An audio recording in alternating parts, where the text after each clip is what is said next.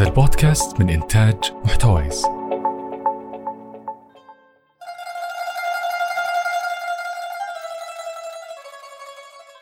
حياكم الله جميعا وباسمي وباسمكم أرحب بضيفتنا اليوم الأستاذة سديم العيسى الشريك المؤسس لسيزار ديزاين.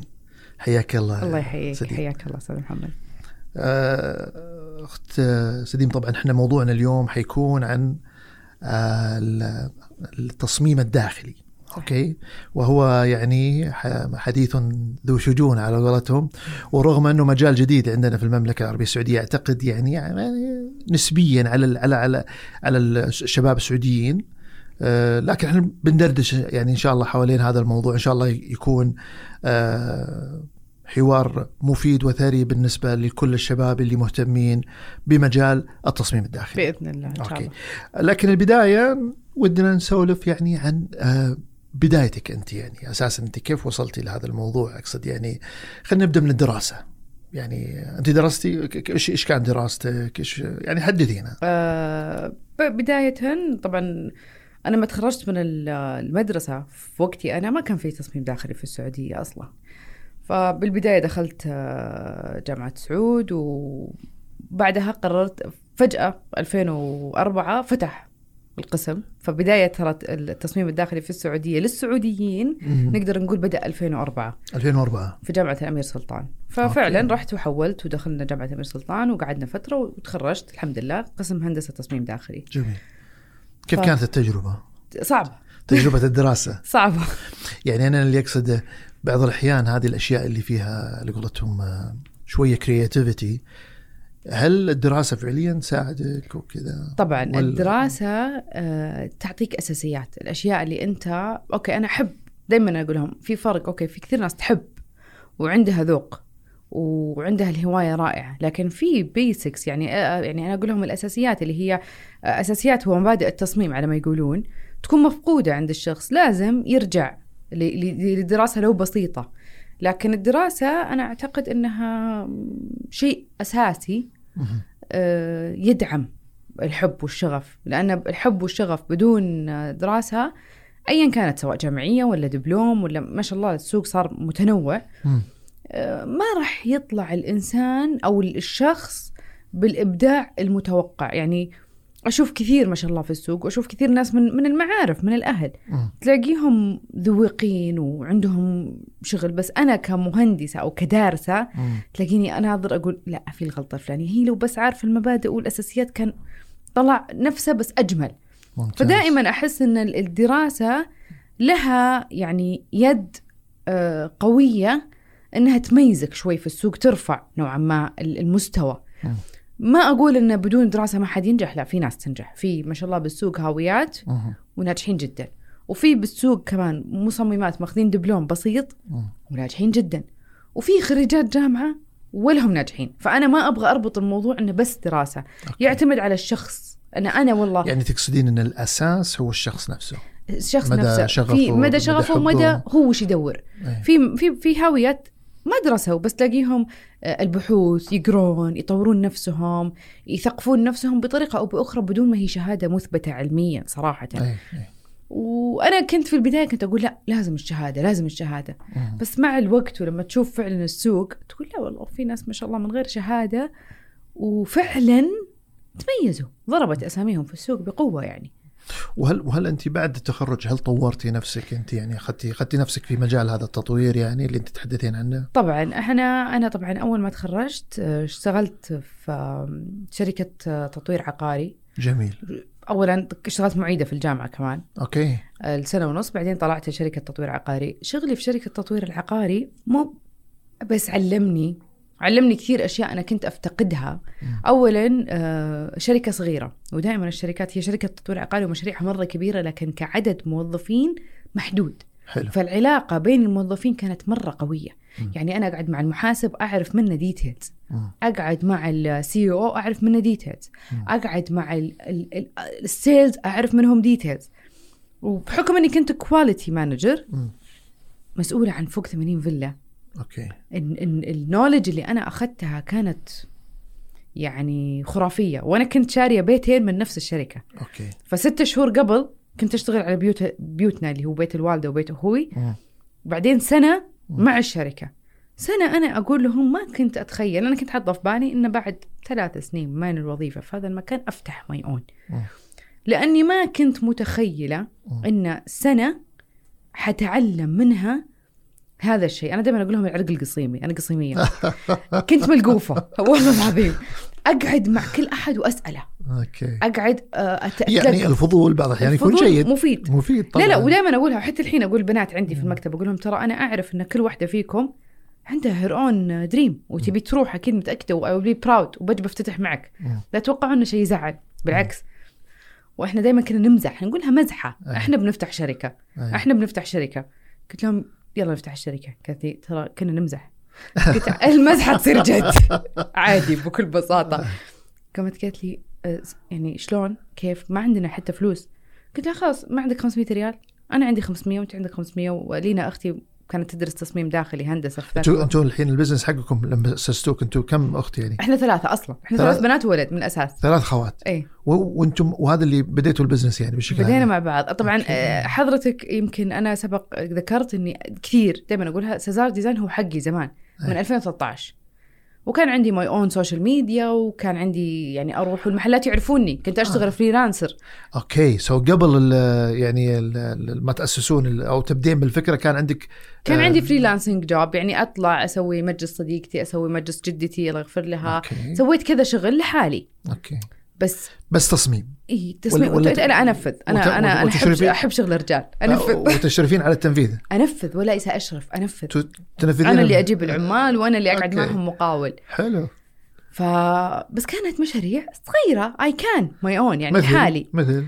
مجلس بيت جدتي. إيه. رحت معها مكة وخليتها ورجعت. إيه. وقلت لخالتي قاعدين معها أسبوع. رجعت لقيت البيت منقلب أسبوع. أسبوع. أنا أنا دمرت الصالة. فهذه من الاشياء يعني مجلس واحدة من صديقاتي حقون المدرسة. و- وكان يجيك من ال soc... من ال social media يعني من لا الانستغرام الأغلبية كانت معارف. ال social معارف. ميديا هذاك الوقت 2013 كانت ال trust فيها واطي مو زي الآن. أوكي. آه بعدين يعني كانت يمكن سبعة سبعة خمسة مشاريع صغيرة على قدي صالات بس إنها إيمان من ال... أو أو أقارب. دعم من دعم من الأقارب دعم أو من الأصدقاء. والاصدقاء جميل. 2016 هو اللي أنا قررت إني إني يعني يوم استقلت. أوكي. بدينا من البيت باختصر لك القصة. آه، جانا عميل. آه. مهم مرة كذا حتى طريقة تعامله مهمة. إيميل. طبعا أنا في شيء أنا كنت ماخذة دورة في, في دبي إيه مع مصمم بريطاني. حلو. في, في ال art school of London حلو. فاللي تعلمته منه قال لي كان يقول لنا أنا أشتغل من غرفة نومي. ال- المكتب حقي في في دولاب الملابس. حاط له رف وحاط له لابتوب. بس علمني شيئين. حلو. حلو القصة هذه أيوه. الإيميل professional @سازار ديزاين والأرقام ال contact professional. ودائما حسس العميل إنك أنت مرة مهم. أوكي. هذه كانت ال tricks حقتنا. أول شيء سوينا لما لما اقتنعوا خواتي بفكرة المجنونة إيه إنهم يشاركوني قالوا لي سازار حقك. قلت لهم لا خلاص ما ما ما يضر. سازار 2013 يقصدون إن الاسم موجود الاسم موجود من زمان من زمان. 2013 قلت لهم طيب بس أنا I don't want to lose it وبالعكس الاسم مرة رنان. حلو. وإحنا دائما دائما إحنا لليوم بناتنا الصغار أبوي متوفي له 10 سنين يعرفون بابا نزار هم ما قد شافوه. أوكي. فقلت لهم- وش قصة الاسم أساسا؟ له قصة؟ هو الاسم إي الاسم هو سديم أنا اسمي سديم نزار العيسى. أوكي. أبوي الله يغفر له ويرحمه كان عنده شغف عظيم في ال في ال في ال design. فترى هذا يعني مو بس الدراسة هذا شغف العائلة. يعني أنا أبوي الله يغفر له ويرحمه جايب مصمم مم. وأنا عمري سنتين يصمم له بيته. فهذا إيمان عائلي عندنا قديم. أوكي. ف وكان دائما يقول لي يلا تخرجي خلينا نشتغل. كان هو يشتغل من ضمن عمله غير عمله الحكومي. كان يبني عماير يبيع يسوي أشياء ويبيع. فكان يقول شخصي يعني. إي شيء شيء شخصي. فكان يقول خلينا آه، يلا خلصي عشان نصير عاد أشطبها. بتصميمك ونبيعها مشطبة. أوكي. فسبحان الله شاءت الأقدار إنه ما يعني الوالد توفى. ولا ولا ولا حضر تخرجي ولا شيء ف رحمة الله عليه صار عندي دائما هوس إنه لازم الوالد يكون جزء من أي شيء في حياتنا أوكي. يعني سواء نجاح سواء اسم عمل أو كذا يعني مع إنه أخوي في البداية اعترض كان يقول لي بكرة ده أحد قاعد يسبك اسمه أبوي يعني. ما هانت عليه آه يعني أوكي فهمت. بس إنه فعليا ال ال بعدين ترى بقول لك إياها مع الخبرات اكتشفت إن ال story هذه is one of the strength points لشركتنا اللي أنا ما. كنت أدري عنها لأن سويتها صدفة وفعليا من مشاعر. لما قعدت مع marketing company فاجئوني بأشياء. عجيب. بس أرجع لك لقصة إنه كيف اشتغلنا. مم. أول شيء سويته قطينا أنا أخواتي كل واحدة 500 ريال على ما أعتقد فتحنا سجل تجاري وإحنا في البيت. أوكي. بعدين رحنا فتحنا حساب بالبنك وإحنا لسه ما عندنا ولا شيء ولا عندنا مكتب ولا شيء إحنا نشتغل من البيت. ضربنا أم ال social media ما بقينا واحدة مشهورة في ذاك الزمن. إيه. ما تواصلنا معها. حلو. شجع اعطاكوا وجه ولا ما؟ أعطونا وجه. آه،. ايناس الحنطي هذيك الأيام كانت تسوي ببلاش. طيب الحين ما عاد في آه، ما شيء عاد في شيء ببلاش. آه، برافو شباب كان فعلا برافو شباب قبل ما يصير بس ايناس الآن. أوكي. آه، فعلا سوت لنا marketing كان جيد. عجيب. عشان- جود رميحي كان في ناس صدق يعني في هذاك الوقت. يعني من دعم كذا يعني في ناس دعم في ناس بفلوس بس بفلوس. كانت مبالغ مو زي الحين. طبعا إيه. مبالغ زهيدة نقدر عليها إحنا ك startup. بس إنكم ركزتوا على هذا ركزنا على ال influencers هذا إلى درجة هذه. إن هذا العميل اللي أقول لك المهم اللي جانا جانا عن طريق هذول الناس. جميل. أرسل لنا إيميل professional وإحنا إيميلنا professional طبعا إحنا خفنا. إحنا عارفين إنه إحنا مو مرة professional إيه. وهذا يرسل إيميل ويبغى موعد وكذا و English و... وفي مكتبة وهو نفس الشيء إيميله كذا يعني إيه. رسمي رحنا هو من شافنا عرف عرف القصة عرف القصة لكن قال على طول قال قال إنه ليش ما عندكم مكتب؟ إيه. قلنا له والله إحنا يعني startup وقاعدين نحاول يعني إنه إن شاء الله بنتجمع من كم مشروع يجينا وكذا آه. سوينا deal معاه هو طبعا الشخص طلع محامي ويعني و- ووافق انه يعطيكم المشروع رغم إنه عرف إنكم يعني يعني بالعكس تحمس أكثر. تحمس أكثر. وصار هو الأب الروحي للآن محمد العقيل أبو عبد العزيز. ما شاء الله. هو الأب الروحي لسزار هو أوه. المحامي خاص فينا. أوكي. وهو يعني مستشارنا في كل شيء. يعني أنا صغيرة وكبيرة أرفع السماعة عليه. أبو عبد العزيز صار كذا كذا. جميل. فمكتبنا هو اللي اختاره. ليش؟ لأن كان عنده وجهة نظر. أنا كنت أروح أدور مكاتب صغيرة في عمارة أي كلام. أوكي. فهو يقول لي سديم your image أنت interior designer أي صح. ال image مهمة مرة. مم. وحكى لي عن قصته طبعا هو بس بداياته ممكن كان تسوين بوتيك على قولتهم آه، ما رفض. إلا يبغى مكتب. مكتب وكان عنده سبحان الله ترى وجهة نظر. أنا الحين مكتبي صغير علي مع إني 2016 يوم أخذته. ما كان في إلا أنا. وسكرتيرة. و tea boy. آه، أثير أختي كانت تداوم part time part time. لأن ما عندها شغالة مم. وعندها بنت ولسه يعني الأمور مي مرتبة. ولينا أختي بالجامعة تداوم. ما في أحد يداوم. 160 متر ما في إلا أنا وتهاني وحسين. بس. تخيل. ف تخيل إنك أنت في هذا ال- الطريقة. آه، بس هو طبعا نصحني كمان من الأشياء اللي نصحني فيها. المكتب. تي بوي والسكرتيرة هذول قبلك. عجيب. قلت له عبد العزيز ما عندي ادفع رواتب أنا صادقة. أي. أنا سعدي ما كنت آخذ ولا شيء. من اللي يجيني كنا نجمع نجمع نحوش نحوش أي. عشان ندفع الأجار عشان نبدأ نطور نفسنا. أي. قال هذه أهم شيء. إحنا طبعا نسمع كلامه يقول يمين يقول يمين يقول يسار يقول يسار وكان دائما يقول لي كلمة. أي. غريزة البقاء. أوكي. أقول له كيف كيف بجيب الفلوس؟ أي. يقول لي غريزة البقاء هي اللي بتخليك مو بتحفرين الصخر. تحفرين ال ال ال ال ال يقول ما أعرف يقول بتسوين كل شيء. وفعلا طلع غريزة صادق غريزة البقاء. أوكي. غريزة البقاء خلتنا نسوي اللي ما يتسوى. فعلا لا marketing البقاء لكم أنتم ولا البقاء للشركة؟ بقاء للشركة. أوكي. لا لنا إحنا دائما أقولها وللآن أقولها للموظفين إذا زعلوني قلت اسمعوني أي. ترى أنا أقفل الباب وأروح بيتنا. أنا أخاف عليكم آه. أخاف على رزق. الناس اللي أنا فرحانة إنهم عايشين ومسترزقين من, من هذا المكان. جميل. فلا لا يعني لا تهملون ترى. الأهمال يضركم قبل ما يضرني. أنا بالنسبة لي بقفل بروح اقعد في بيتنا وزوجي يصرف علي الحمد لله. وأمي تصرف على اخوات أختي و... وخلاص. ماشية. الأمور ماشية. بس إنه طبعا هم يعرفوني كذابة وإن it's not my passion بس إنه لازم دائما يعني أقول لهم كذا عشان يفهمون إن أنا فعلا I care لكم مو بس لي. أنا دائما أقول لهم أنا دائما أقول لكل أحد أنا ما يخوفني أنا. آه. أنا لما أحط راسي بالمخدة بالليل ما يخوفني أنا أنا أخاف من الناس آه. اللي برقبتي اللي لازم أدفع لهم رواتب آخر كل شهر أخاف إذا ما قدرت أوكي فنرجع أقول لك كيف المشروع هذا؟ مشى يعني مشى نفذته مشى الحين إيش كان هو المشروع؟ المحامي بيته بيته إيه جاء وطبعا في البداية اتفقنا سوينا deal إنه no payment شلون no pay؟ no payment no design payment أي. ما راح يدفع لنا فلوس تصميم لكن هو حيكون اول consult consultant لمدة سنة آه. يسوي لنا كل أوراقنا الحكومية يسوي لنا العقود يسوي لنا كل شيء. حلو. وافقت. أنا طبعا خواتي يقولون لي مجنونة خواتي دائما خوافات وأنا مجنونة صدق أنا مجنونة. أوكي. يوم درى عن موضوع المكتب ويوم درى إني أنا اي كانت باي الاوفيس. رحت دفع لي دفعة التصميم كاملة مع إن إحنا متفقين ترى ما ناخذها. أوكي. قال لي بس عشان تاخذين المكتب. أوكي. اعتبريها إن شاء الله سلف. بس أوكي. روحي الآن قبل آه. كل شيء الآن اليوم اليوم تروحين تاخذين هذا المكتب اللي هو عاجبك اللي آه. أنا أرسلت له إياه وقلت له it's overpriced علي. آه. ما أقدر أدفع صادقه أنا. آه. كم. كان كم كانت إيجار؟ اجار المكتب 124 ألف. أوكي.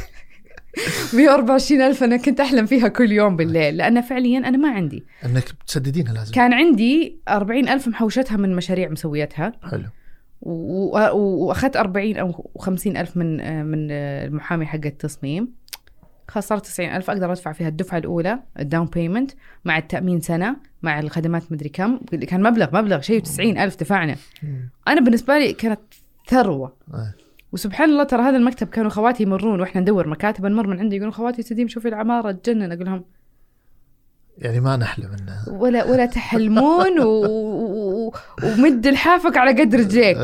بس آه، المحامي هو اللي he pushed me إنه الايمج الايمج الايمج الايمج وكان صادق. وكان صادق. اليوم المكتب ترى ضيق. أوكي ما شاء الله. اليوم المكتب إحنا الحمد لله الحمد لله فوق 15 موظف. في في في غضون كم؟ في غضون؟ ثلاث سنين. ما شاء الله تبارك الله. الحمد لله ثلاث سنين. إحنا حتى من السنة اللي فاتت أو من السنة اللي فاتت. طبعا إيش؟ طريقة التوظيف كانت عشوائية. أوكي. للأسف الخطة اللي أنا كنت مسويتها إني بعد خمس سنين ببدأ أوظف وكذا يعني أنا صار يجيني مشاريع ما عاد أقدر أسويها لحالي. أوكي. لأن تخيل إن سديم تقابل العميل وتقول الموظفين آه، في meeting برا وكذا وهي كذابة ما عندها أحد أصلا. أوكي. بعدين أقعد أنا لليل طول الليل أشتغل أنا على ال design. أوكي. تخيل. يعني كنت أنا ال- ال- اللي أسوي وأنا اللي أقابل وكن كنا كل شيء. فما- طبيعة startups. لازم. طبعا النوم كان ضئيل وإذا رحت تنام أصلا حلوم okay. وكوابيس. لأنه مخيف يعني ولا تبغى تورط معك أحد. ما أبغى بكرة أروح أصيح عند أخوي اللي هو من الأساس محذرني انه إيش الجنان هذا؟ أقول له تعال أنقذني أنا تورطت. okay. لأن أخوي آه، موظف حكومي. okay. ويؤمن في ال stability okay. حقت الرواتب. فأنت تتكين راتبك وعندك راتب زين. أي. وتروحين تهورين وتفتحين لي business لا ومديونة بعد. what is يعني what's going on في مخك؟ آه. لكن سبحان الله كانت يعني بداية أنا دائما أقول لهم أتذكر ذيك الأيام يجيني شعور لذيذ. okay. ال- الألم اللذيذ اللي اللي هو له معنى حلو سبحان الله صحيح. آه هذه كذا overall قصتنا على السريع. مخربطة يمكن شوي بس لا، انه لمداخلات ال- الحديث. بس انه مبدئيا طبعا ما شاء الله لينا أختي تخرجت. وأثير أختي صارت داوم full time الحياة استقرت نوعا ما. خلاص صاروا كلهم full time خلاص كذا صرنا كلنا full time لي- لينا أختي تخرجت واشتغلت خلاص رسميا معنا صارت مديرة قسم التصميم طبعا. okay. بحكم إني أنا اكتشفت إني فاشلة في هذا الموضوع. okay. فصار خلاص فعلا كل واحدة ماسكة مجالها. إحنا لا نجامل بعض وموقعين عقود ترى بين بعض. okay. لأن دائما أقول لهم المشاكل العائلية أسوأ من مشاكلك مع الغريب. صحيح. فإذا أنت ما حطيت مع أختك وأخوك what to expect from each other. فهذه العلاقة الشراكه بتضيع طبعا موضوع موضوع الشركات العائلية موضوع آخر مختلف. طبعاً. وعنده على قولتهم آه، آه، عواقبه عنده لا لا يعني اقصد مجال كبير راح ان نسولف فيه بس إحنا ودنا اليوم إن نبقى في في إطار الموضوع ال interior design. انت انت الدراسة تكلمنا عن الدراسة تكلمنا انه كيف يعني فائدتك آه، انت كيف كيف كيف شفت السوق يعني في في في, في السعودية يعني هل هل اللي دفعك انك يعني ت start ال business هذا انك انت شفتي ال opportunity يعني ولا ولا إيش بالضبط؟ ليش ليش انت كنت مصره على على على بدء هذا المشروع؟ اولا قسم ال- ال- التصميم آه، مجال مربح okay. جدا زيه زي المحامي زيه زي آه، كذا مجال عندنا اللي هو you sell idea. يعني على قولة آه، كذا أحد يقول إحنا نبيع كلام أو نبيع أفكار. which is ترى فعليا هي ما هي cost إذا أنت ما عندك هذه المصاريف العالية. هذا بس أول أنت عندك مجال. تنفيذ. التنفيذ طبعا هذا different story لكن أنا كنت أنبهر لما أشوف لبناني أو سوري أو أجنبي ايا كان. مم. وفرنسي حتى يأخذون مبالغ فلكية. وأنا I know deep down inside إن هذا ما يكلف يعني ما يكلف هذا الرقم. إي ك cost يعني. ك cost wise يعني والعالم تدفع لهم قصدك إن ال margin فيه عالي يعني. ال margin فيه عالي ودائما يعني كنت أقول يعني إحنا أولى. إي. وإحنا صدق يعني ما حد يفهم culture البلد إلا عيالها. دائما أقول لهم دائما سبحان الله لما تدخل مكان مصممة أحد أجنبي out of the culture. تلقى فيه آه، défauts ات أو أغلاط لأنه ما يفهم. ما يفهم ال culture. ما يفهم ال culture ما يفهم والله إنه مثلا أنا إذا قعدت مع ناس تلاقيني أتفهم إنه والله مثلا هذول يقعدون ترى رجال حال حريم حال لا هذول يقعدون مع بعض. هذول آه، يبغون مجلسين وبينهم السفرة بطريقة معينة. مم. يجيك الفرنسي يفتح لك أم الدنيا على بعض يخلي البيت ما في برايفسي يحوس كثير أشياء أو يجيك حتى حتى اللبناني مع إنه عربي بس كلتشر مختلف. مم. أنا لما صرت أشوف هذه الأشياء صرت فعلا أقول ليش ما حد بيفهم بيئتنا. حتى في المطاعم حتى في المكاتب. إلا عيال البلد. لانك تشوف حتى الشركات لما ينفذها مثلا واحد أجنبي let's say أو ايا كان. بعض الأحيان مثلا يحط لك دوره مياه واحدة ما يحط لك مصلى. يعني أنا أنا أنا قريبا رحت ناقشت موضوع شركة كبيرة. جايبين مصمم أجنبي. ما في مصليات في شركة كبيرة أربع أدوار why لأنه ما يفهم ال culture ما يفهم ديننا ما يفهم طريقتنا يعتقدون يمكن إن الصلاة هذه بس بالبيت. ففي details أتوقع إن إن ما حد يفهمها غير أهل البلد. وحتى أصحاب العمل مثلا أنا كشركة أو أنا كمنشأة أو أنا كشخص مو دائما أقدر أوصل الفكرة. أحتاج أحد يكون فاهم يطلع مني الأفكار. اللي أنا أحتاجها. كثير كثير ألاقي مثلا ناس أو أو شركات أو بيوت حتى عندهم هذه المشاكل إنه ال culture انفهم غلط فالتصميم مرة حلو بس مو أنا. ما يناسبني ما يناسب حياتي ما يناسب طريقة طبيعة ال lifestyle اليومي حقنا. هذا صراحة أكثر شيء شجعني إني أشتغل. okay. لأني حسيت إن إحنا فعلا يعني أكثر في ناس. need في need عالي بعد. في need عالي. وفي ناس تدفع بهبل. okay. بس بقول لك الصدق لا جاء عند سعودي يوقف. أيوه. هذا هذا كنت بسألك عنه يعني. لا جاء عند سعودي يوقف.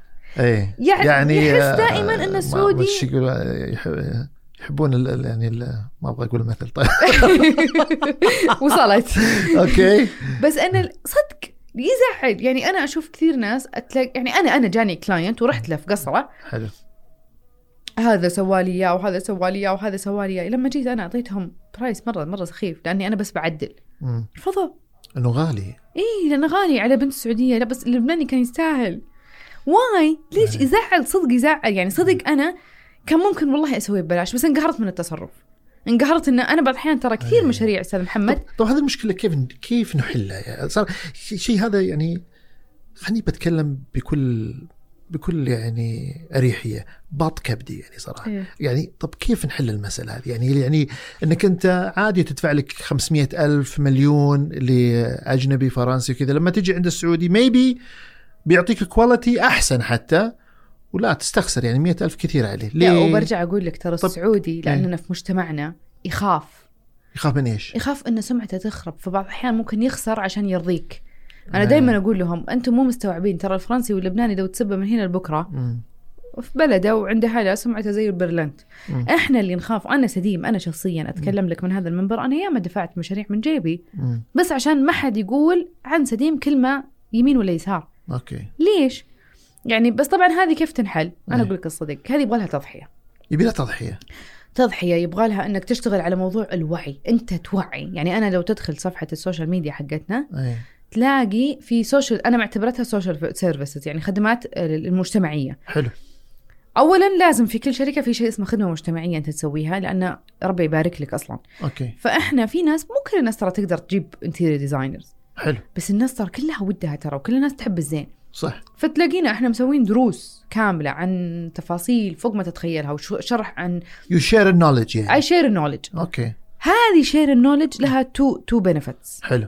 شيئين إيجابيين. okay إني أنا أثبت لل تشاركين المعرفة عشان الناس يقول أنت إيه تتكلمون- اتكلم إنجليزي. إيه. نشارك تشاركين المعرفة, المعرفة. لسببين إيه. ليش؟ أن أنا اللي اللي فاهم طيب واللي جايب الفرنسي واللبناني والسوري يعرف إنه والله حتى عيال البلد فاهمين حلو وعندهم هذه المعرفة مم. واللي مو قادر يجيب اللبناني والسوري ولا قادر حتى يجيب السعودي يقدر على يستفيد. على الأقل يستفيد يستفيد. فهي هذه اللي إحنا اشتغلنا عليها صراحة طبعا اشتغلنا كمان على موضوع ال- ال- ال social media إنه إنه ماركتينج بوزيشننج البراندنج الأشياء كل. شيء حتى وصلنا يعني ترى في مشاريع يعني في مشاريع لليوم. أي. عشان عشان عشان الناس لازم تفهم. أي. مو كل شيء بفلوس ترى. مو؟ كل شيء بفلوس. يعني أنا في مشاريع الآن بناخذها بنسويها ماخذينها cost بس عشان تاخذين ال- بس عشان أدخل هذا البيت. اي عشان okay. عشان يصير عندك reference عشان يصير عندي reference وهذا البيت أنا يهمني. إيه. بيت الفلان أنا أي. يهمني أي. وأعرف الشخص مثلا بعينه. مم. فانا وأعرف انه في كثير ناس ينتظرون النتيجة. بيشوفون. يبون يشوفونها أي. فأنا أعتبرها marketing أي مو ال marketing ترى كله social media ولا ال marketing. كله. ال marketing بعض الأحيان إنك أنت. تضحي إنك أي. أنت تضغط على نفسك وتحط من جيبك. عشان اسمك يطلع اي يعتبر investment يعني بالضبط اي تضحي يعني فيها تضحية بس أنا أعتبرها ما هي تضحية قد ما هي آه يعني تقدر تقول marketing أنا أنا حتى ترى عندي بالمكتب أجي أقول لهم الربح أو إذا صار في شيء مثلا بال minus هذا حطوه مصاريف تسويقية. okay. يضحكون علي. بس أنا أقول لهم هذه فعلا مصاريف تسويقية. هذه اسمي. مم. قاعد يطلع بالسوق قاعد ينعرف قاعد أنا أثبت إني أنا فعلا أستحق إني أنا أنافس اللبناني والفرنسي وغيره. ف حلو. طيب أنا أنا بس ودي ما أتجاوز حاجة لأن الموضوع مرة في غاية الأهمية بالنسبة لي قضية أنت بديتي وأنت صحيح إنك توظفتي يعني بشوف إذا كان الوظيفة هي اللي فادتك في الموضوع هذا لكن هذا من باب الخبرة يعني خبرتنا يعني في مجال ال- ريادة الأعمال بشكل عام واحدة من أكبر التشالنجز اللي تواجه التحديات التي تواجه الشباب هي موضوع التسعير. كيف أسعر؟ كيف أسعر؟ أنتم هذه المعرفة سواء التسعير أو غيرها تقديم ال proposal الأشياء كذا كيف كيف كيف كيف يعني كيف حصلتوا عليها؟ طبعا التسعير إيش هو؟ مشكلة مشكلة كبيرة اي لأنه لأنه في, واجهناها في, في ناس يسعرون over يعني بزيادة وفي ناس لا أقل أنا سعرت ثلاث مشاريع بأقل ودفعت الفرق من جيبي okay هذا كان درس نتعلم منه ما. اللي اللي ما يغلط ما راح يتعلم ترى أستاذ محمد يعني أنتم تعلمتوها بال طبعاً. بال بالخب- بالغلط ولا بالغلط okay. بالغلط اغلط وتعلم تجربة أنا- والغلط تجربة وال- والغلط أنا حتى في في عملاء سحبوا علي بفلوس مم. فهذه تخليني دائما أرجع للمحامي تعال نعدل العقد البند الفلاني نعدله البند الفلاني نعدله البند الفلاني نعدله ال- ال- الغلط مم. الميزة شوف الميزة إن أنا إذا كل مشروع أقعد بعده مم. أسوي جلسة مناقشة. إحنا كتيم مع بعض. بعد ما ينتهي المشروع. بعد ما ينتهي المشروع نقعد. طبعا إحنا طبعا دائما حتى وذن المشروع يشتغل تلاقينا نقعد. نعرف ليش طب هذا تعطل إيش مشكلته مين السبب مين المسبب مين ال- ال- المورد اللي اللي قاعد يسبب لنا هذه المشكلة. ما تلاقينا نطلع إكس. بس التسعير إحنا كنا نسعر مشاريع للتنفيذ بالذات. طبعا ال design. دائما الخسارة فيه قليلة. لأن زي ما قلت لك أنت you sell idea تبيع أفكار. ال design ك design الخسارة فيه جدا قليلة لكن مشكلة لما يصير شركة كبيرة زي أنا اليوم عندي خمس مهندسات في المكتب لا إيه. الحين فيها خسارة. لأنه cost وقتهم. لأن cost وقتهم رواتبهم رواتبهم. أجار المكتب. مصاريف. صار عندك صار عندك مصاريف. صار عندي مصاريف. أنا مصاريفي الشهرية 120 ألف minimum إيه. minimum فأنا لازم أعرف لما في البداية ما كان يعني لي موضوع تسعير التصميم مرة مم. يضغطون علي العملاء أنزل عشان آخذ عشان معليش تبنين أبني اسم سم أحط وكذا. آه، شغل أسوي مم. بس الآن لا صار عندي standard والله المشروع بياخذ مثلا خلينا نقول شهرين عمل مم. وأنا مثلا عندي هذا المشروع عندي المشروع A و B و C حلو وأنا ال margin حقي بهذول الشهرين لازم أحقق 240 ألف minimum. بس عشان to break even يعني بس عشان أجيب راس مالي. فتلاقيني هذه المشاريع تتسعر بهذه الطريقة. غير إنه طبعا المساحه ومن المساحة لها دور. لكن عشان بعض الحين أراعي العميل أقدر أنزل أقدر أطلع.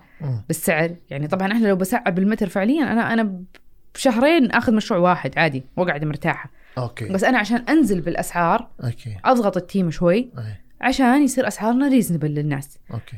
لكن التسعير issue و issue وما زالت issue لكن هي متى ال issue الأكبر؟ لما يكون تنفيذ. لما أنت تتورط بتنفيذ أنا كانت عقودي ما تنصفني حتى في هذا ال part. ليش؟ لأنه كان ما فيها بند إنه في حال الزيادة في الأسعار عند الشراء من الموردين مم. أن العميل يدفع الفرق. فكان العقد ينكتب بال cost اللي إحنا مت- متوقعينه. أوكي. عاد زاد 10000 زاد 20000 زاد 30000 كليها على راسك. فكنا ناكلها على راسنا. حلو.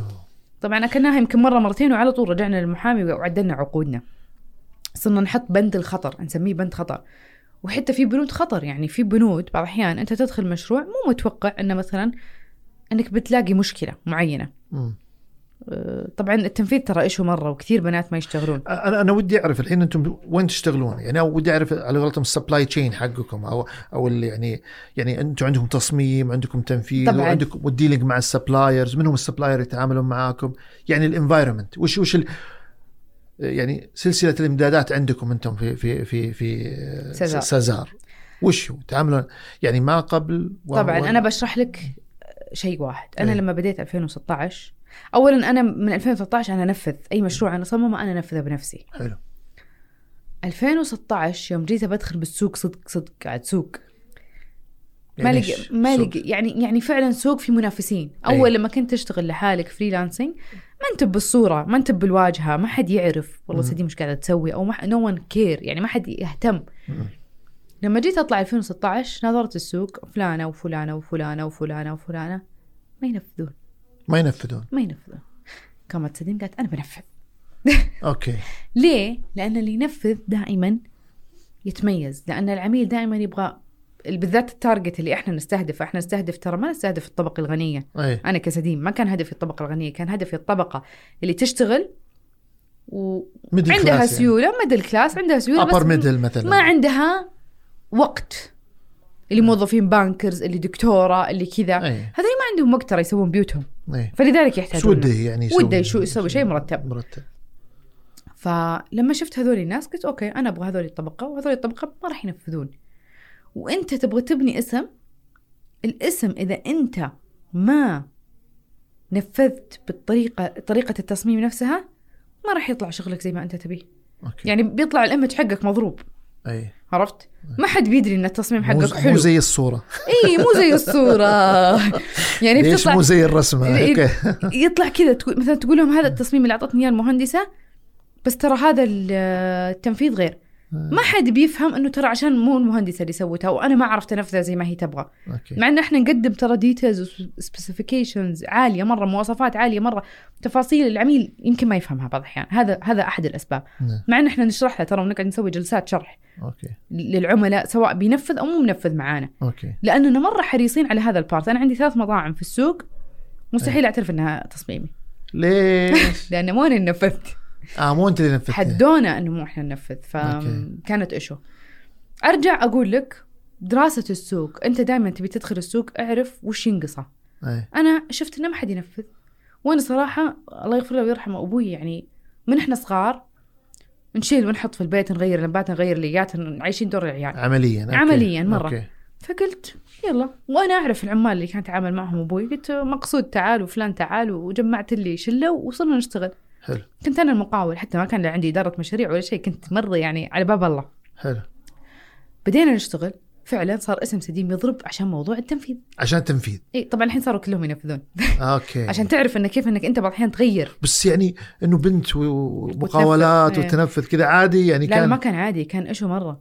كان أي. أنا طبعا أهلي عادي إي. لكن هم الناس كانوا لما يدخلون الموقع بعدين يلاقوني أنا لأني مو سبق قلت لك أنا اشتغلت في شركة تطوير عقاري. إلا. كنت quality manager كنت مسؤولة عن فوق 80 فيلا.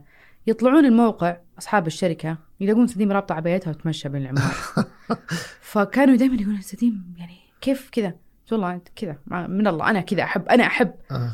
أنا اكتشفت إني أنا اللي أحبه شغل المقاولات أكثر من التصميم نفسه. okay. الإشراف والتنفيذ. إشراف وتنفيذ و details وهذا ترى لا غلط وهذا صح وهذا الملي مضروب من هنا والملي يعني دقيقة عيني مرة في هذا ال part. حلو. هم جربوني في بيتنا. هم آه. ترى ما كنت موظفة عندهم أنا اشتريت منهم بيت. ور... وهبلت فيهم قالوا قال بس تعالي تعالي. تعالي. هذه اللي نبيها. هبلت بنا في بيتها. okay. صدق يعني قعدت لهم في بيتنا. ما كان ما عندي رجال. أنا الوالد الله يرحمه متوفي آه. وأخوي مبتعث كان في أمريكا. okay. يلا واستلمي بيتك وبيت أخوك. يعني بيت الوالده وبيت أخوي. اي مسؤولية. مم. ف يوم شافوا شفت أنا نفسي كذا قلت لا هذه ال strength حقتي بنفذ أنا. okay. دخلنا مجال التنفيذ وفعلا نجحنا مرة. مم. كان هذا اللي يميزنا وهذا أكثر شيء يجونا الناس عشانه موضوع التنفيذ. طيب طيب آه، أكيد ان يعني برضو آه، الحين التصميم والتنفيذ لكن أكيد فيه مثلا آه، يعني في في سلسلة الإمدادات هذه أكيد في بعد ال suppliers اللي يتعاملون معاهم معرفة ال suppliers من, المواد من تكوين علاقات بعد. تكوين علاقات لازم تكون لك داخليا data. خارجيا. طبعا حتى من الأشياء طبعا إحنا ننفذ إيش؟ مقاولات؟ اي وننفذ أثاث. أثاث. برجع أصدمك في موضوع الأثاث. okay. أنت لما تنفذ أثاث ومو بس أثاث يعني أخشاب حديد ت- يعني طاولة حديد مثلا أو شيء معين بمواصفات معينة. نعم. تعبت مرة أنا في هذا الموضوع. يعني جننوني وأسعار فلكية. اللي هم قصدك السبلايرز. السبلايرز. okay okay. جيت أنا طبعا من بديت قلت آه okay الموضوع يبغى إني أنا اسس لي ورشة مصنع. بس أنت الحين قاعدة توسعين في كل أنا أنا لليوم ترى ما قاعدة أربح. أنا okay. قاعدة معك اليوم وأنا دائما أقولها. إيه. أنا أقول أول خمس سنين أنا ما بربح أنا أبي أطور. أبي أجدد أبي اسس أبي كل الخمس سنين هذه دائما زوجي محاسب تعرف محاسبين يحبون فلوس. بالعكس ممتاز أهم إيه، شيء يقول لي يقول لي ما يصير خذوا أرباح خذوا قلت أنا ما باخذ أرباح. أنا كل الفلوس اللي تجيني بضخها تطوير. okay. اللي ما يطور يتجشع في تطوير مكانه ويصير يبي ياخذ الفلوس. دائما أقول لهم مشكلة بعض الناس تاخذ الفلوس تسافر تاخذ الفلوس تروح تروح تشتري شنطة. إيه. خلاص تبي تنبسط بلذه النجاح. النجاح أيوه. هذه ما راح ما راح يتطورون. مم. فأنا أرجع أقول لك التنفيذ بالمقاولات خلاص لقيت لي ناس معينين. ال suppliers suppliers عمال باكستان محليين داخليين. ما لا لا صراحة أفراد لقيت. لا لا أقصد السب... اللي هي ال supplier materials. materials materials يعتمد على العميل أستاذ محمد. أي. عندي عندي suppliers من إسبانيا وباريس ومدري مين بس, بس العميل بس انت يجيك أنت مستعجل. طورتي هذه قاعدة البيانات طبعا. نروح معارض معارض. نجيب contacts إذا جو رياض يزورونا. لكن أرجع أقول لك clients ما عاد يبون ينتظرون. نادر نادر ينتظرون فإحنا صرنا آه فقصدك اللي من برا يعني ياخذ وقت ثلاثة. أربع شهور دليفري والعميل يقول لك أبي ثلاثة شهور أسكن في البيت okay. يلا عاد مستحيل مستحيل تصبره مم. فصار تعاملنا أغلبه محلي. محلي. مع إن عندي ال data ويحزن إنك أنت تروح وتصرف وتقابل meetings و... ومصاريف سفر إنك مم. أنت تروح معارض ومؤتمرات بس الفكرة فيها الحلوة إنك أنت تطور آه، يعني الصورة اللي في عينك أي تجدد أي أفكار جديدة. أفكار جديدة وأشياء مع إنه ما شاء الله في الإنترنت الآن كل شيء صار بحر بس يظل مهم الروحة مهم التواصل مع الناس. يجونا يزورون يجون طبعا هم يسوون بعض الأحيان work هنا معارض دبي قريبة. صرنا وما شاء الله ترى بدت المعارض حتى عندنا الآن صارت جدا جميلة. عندي data. مم. بس يظل دائما السوق المحلي يفوز عندي لأن العميل دائما يجيني مستعجل طيارة. سو السبلايرز تفضلين أنت أنا أفضل suppliers من جوا البلد. من جوا البلد. فلما صرت أشوف وهل هي تعتقدين أنها مثلا آه، كافية ولا تحسين أنه ما زال فيها يعني آه، ما زال فيها demand أو فيها شح؟ في في في ديماند بس ما شاء الله خلال السنة ونص الأخيرة أي. أشوف في تطوير صار في سوق ال furniture وال interior design عندنا. بطريقة رهيبة. كويس. لأن الوعي زاد. مصممات السعوديات زاد والله أنا جايك على موضوع الوعي لأنه يعني في ناس يقولون يتريقون علينا يقولون كل شيء بيج عندنا في السعودية يعني ما بالعكس برجع لك لهذه النقطة بس تدخل المدينة لين توصل البر وكل شيء بيج على البيوت من برا. البيوت من برا والتصميم من بس ما شاء الله الآن تروح تروح وال- شركات التطوير العقاري. إيه. شفت ما شاء الله البيوت كيف صارت ألوانها؟ يعني إحنا بيتنا إحنا إحنا المجمع اللي ساكنين فيه كل بلكونة لون. okay. يبي لك تزوره. okay. هذا اللي بيدمر البيت حقهم. أو الرمادي يعني. لأنه صدق يعني أنا أذكر أخوي طبعا ال culture السعودي إيه. قال والله لابسه حجر. إيه. وش بلكونتي خضراء؟ البلك البيت مصمم بطريقة كأنه cubicles آه. وتخيل إن كل بيت بلكوناتها لون. آه. مختارينها من ألوان ال- ال- ال- ال- ال- علبة الألوان الرصاص. okay. عجيب كان الم- المهندس المعماري هذاك الله يذكره بالخير اشتغلت معاه مجنون. آه. creative مرة البيوت للآن مميزة كل ما حد دق عليه يقول لهم بلكونات ملونة. آه. وين بلكونات ملونة في الرياض يعني؟ which is very weird. بس لسه طبعا بس الصورة أقصد- العامة أقصد ذوق الناس.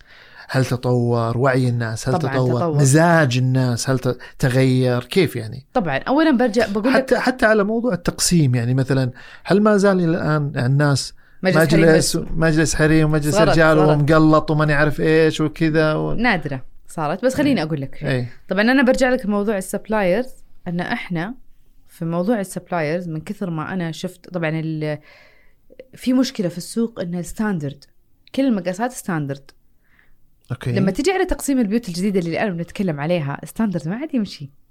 ليه؟ لأن مقاسات ال- البيوت صارت. okay. ال standard الأمريكي مثلا مستحيل يدخل بيوتنا الآن. يعني أنا بيت الوالدة نفسه الآن بعد ما طلعت من بيت 600 طلعت بيت 400 كنبها القديم ما يوسع في بيتها الجديد okay. لأن ال standard حقه كبير. okay. أمريكي كبير large إيه. آه، وال modern مرة ما تبي فهي تبي كلاسيك ناعم صغير لطيف. آه. هذا خلانا إحنا نفكر بشيء ثاني جديد, جديد. إني أنا صرت أتعامل مع نجارين أو ورش أو مصانع إنها تنفذ لي ال customized أو يعني مفصل تفصيل ال- أي. ال- الأثاث.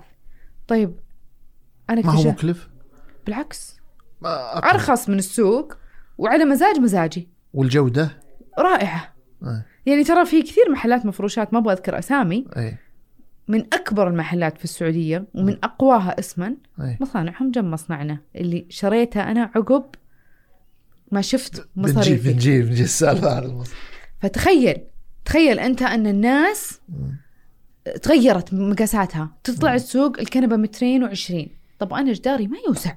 طب كيف بحط طاولة جنبه؟ طب كيف؟ صار في complications مع مقاسات البيوت. مقاسات البيوت تغيرت صغرت. الوعي الناس أن البيت لي مو للناس أيوه. تغير. هذا الوعي اللي أنا أقول لهم هذا أحسن شيء صار. مم. اليوم ما عاد في شيء اسمه مجلس حريم مجلس رجال. إيه في مجلس واحد في البيت. okay. يا الابو يعزم يا الام تعزم اختاروا اللي تبون. okay. يعني هذول اللي الناس المحافظين. في ناس عادي. والسفره صارت خلاص سفرة واحدة. لكن في صالة عائلية برا. تلاقي دائما الدور الثاني صار صغير. غرف نوم صالة صغيرة مرة. مو زي زمان. البيت للناس. مم. بيتنا أول 600 متر. أقسم بالله إني ما أذكر إني استفدت من تحت. الدور اللي تحت بالذات ان إحنا عائلة إنك friendly مرة. أي أحد يجينا تعالوا فوق صالة أي. فوق. حرام. ف- ف- ف- فتوقعين إن ال culture الحين من من خبرتك إن الناس بدأت تتغير، مزاج الناس بدأ يتغير. تماما. تماما. يعني الناس صارت كلها آه، تبحث عن العملية. صارت الناس تفكر كهرباء أيوه. عمالة okay. آه، مصاريف. okay. ما عاد هو الوضع زي زمان. أول الم- الموضوع صار مكلف cost مرة. أي. أنا الوالدة طلعت من بيت 600 ل 400 عشان المصاريف عشان المصاريف وعشان إنه إنه ما له لازمة مم. يعني هي هم إحنا كنا ثلاث أفراد في البيت يوم طلعت الحين فردين صاروا طب أنت تعتقدين إن التصميم الداخلي بالنسبة لل... للناس هل هو ترف ولا شيء ضروري؟ أنا أعتبره حاجة ما هو حاجة ترف. ضرورية وليست ترف. لماذا؟ لماذا؟ أول سبب أن ال- طريقة التوزيع ال- التعامل مع المساحة مم. ومعالجة المساحة بالتصميم الداخلي بس, لها بس هذه مو مو بال... مو بالخريطة تجي كذا جاهزة ولا؟ آه، مو هذه هي المشكلة الحين برجع أ- أ- أطرحها. أي. للأسف أن الناس تجينا بعد ما تخلص كل شيء. okay. المفروض ال interior designer يبدأ مع المعماري. من مع من scratch من الأرض من قبل ما يبدأ. أيوه. لأن إذا بدأ مع المعماري حتشوف البيت مثالي إذا خلص. قصدك من, ناحية التخطيط. إيه أيوه. ليش؟ لأنه بي بي بي بيعالجون مشاكل كثير مع بعض. okay. دائما المعماري يسقط شباك يسقط مدري إيش يسقط يعني أنا أنا في بيتنا الآن. أي. بيت الوالدة. أي. الشباك متوسط الجدار. أي. بس مو متوسط الجلسة. فتشوف إذا قعدت تحس إن الجدار مايل يجيك شعور إن الجدار مايل. مم. ليه؟ لأن المعماري فكر في واجهاتها في الجمال الخارجي. نسى الداخلي تماما. مم. طبعا إحنا ك designers دائما يسمون وظيفتنا solving problems. okay. بس هو مو دائما انت ودك solving problems ودك ودك, تبدأ أحيانا قبل ال problems شوي. okay. تكون من البداية موجود وي solve ال problem قبل ما تصير. حلو. أنا قد شرحتها حتى في سناب شات إني أنا عدلت ستارة تشوف الستارة هي اللي أعطتك شعور ان الجدار مستقيم.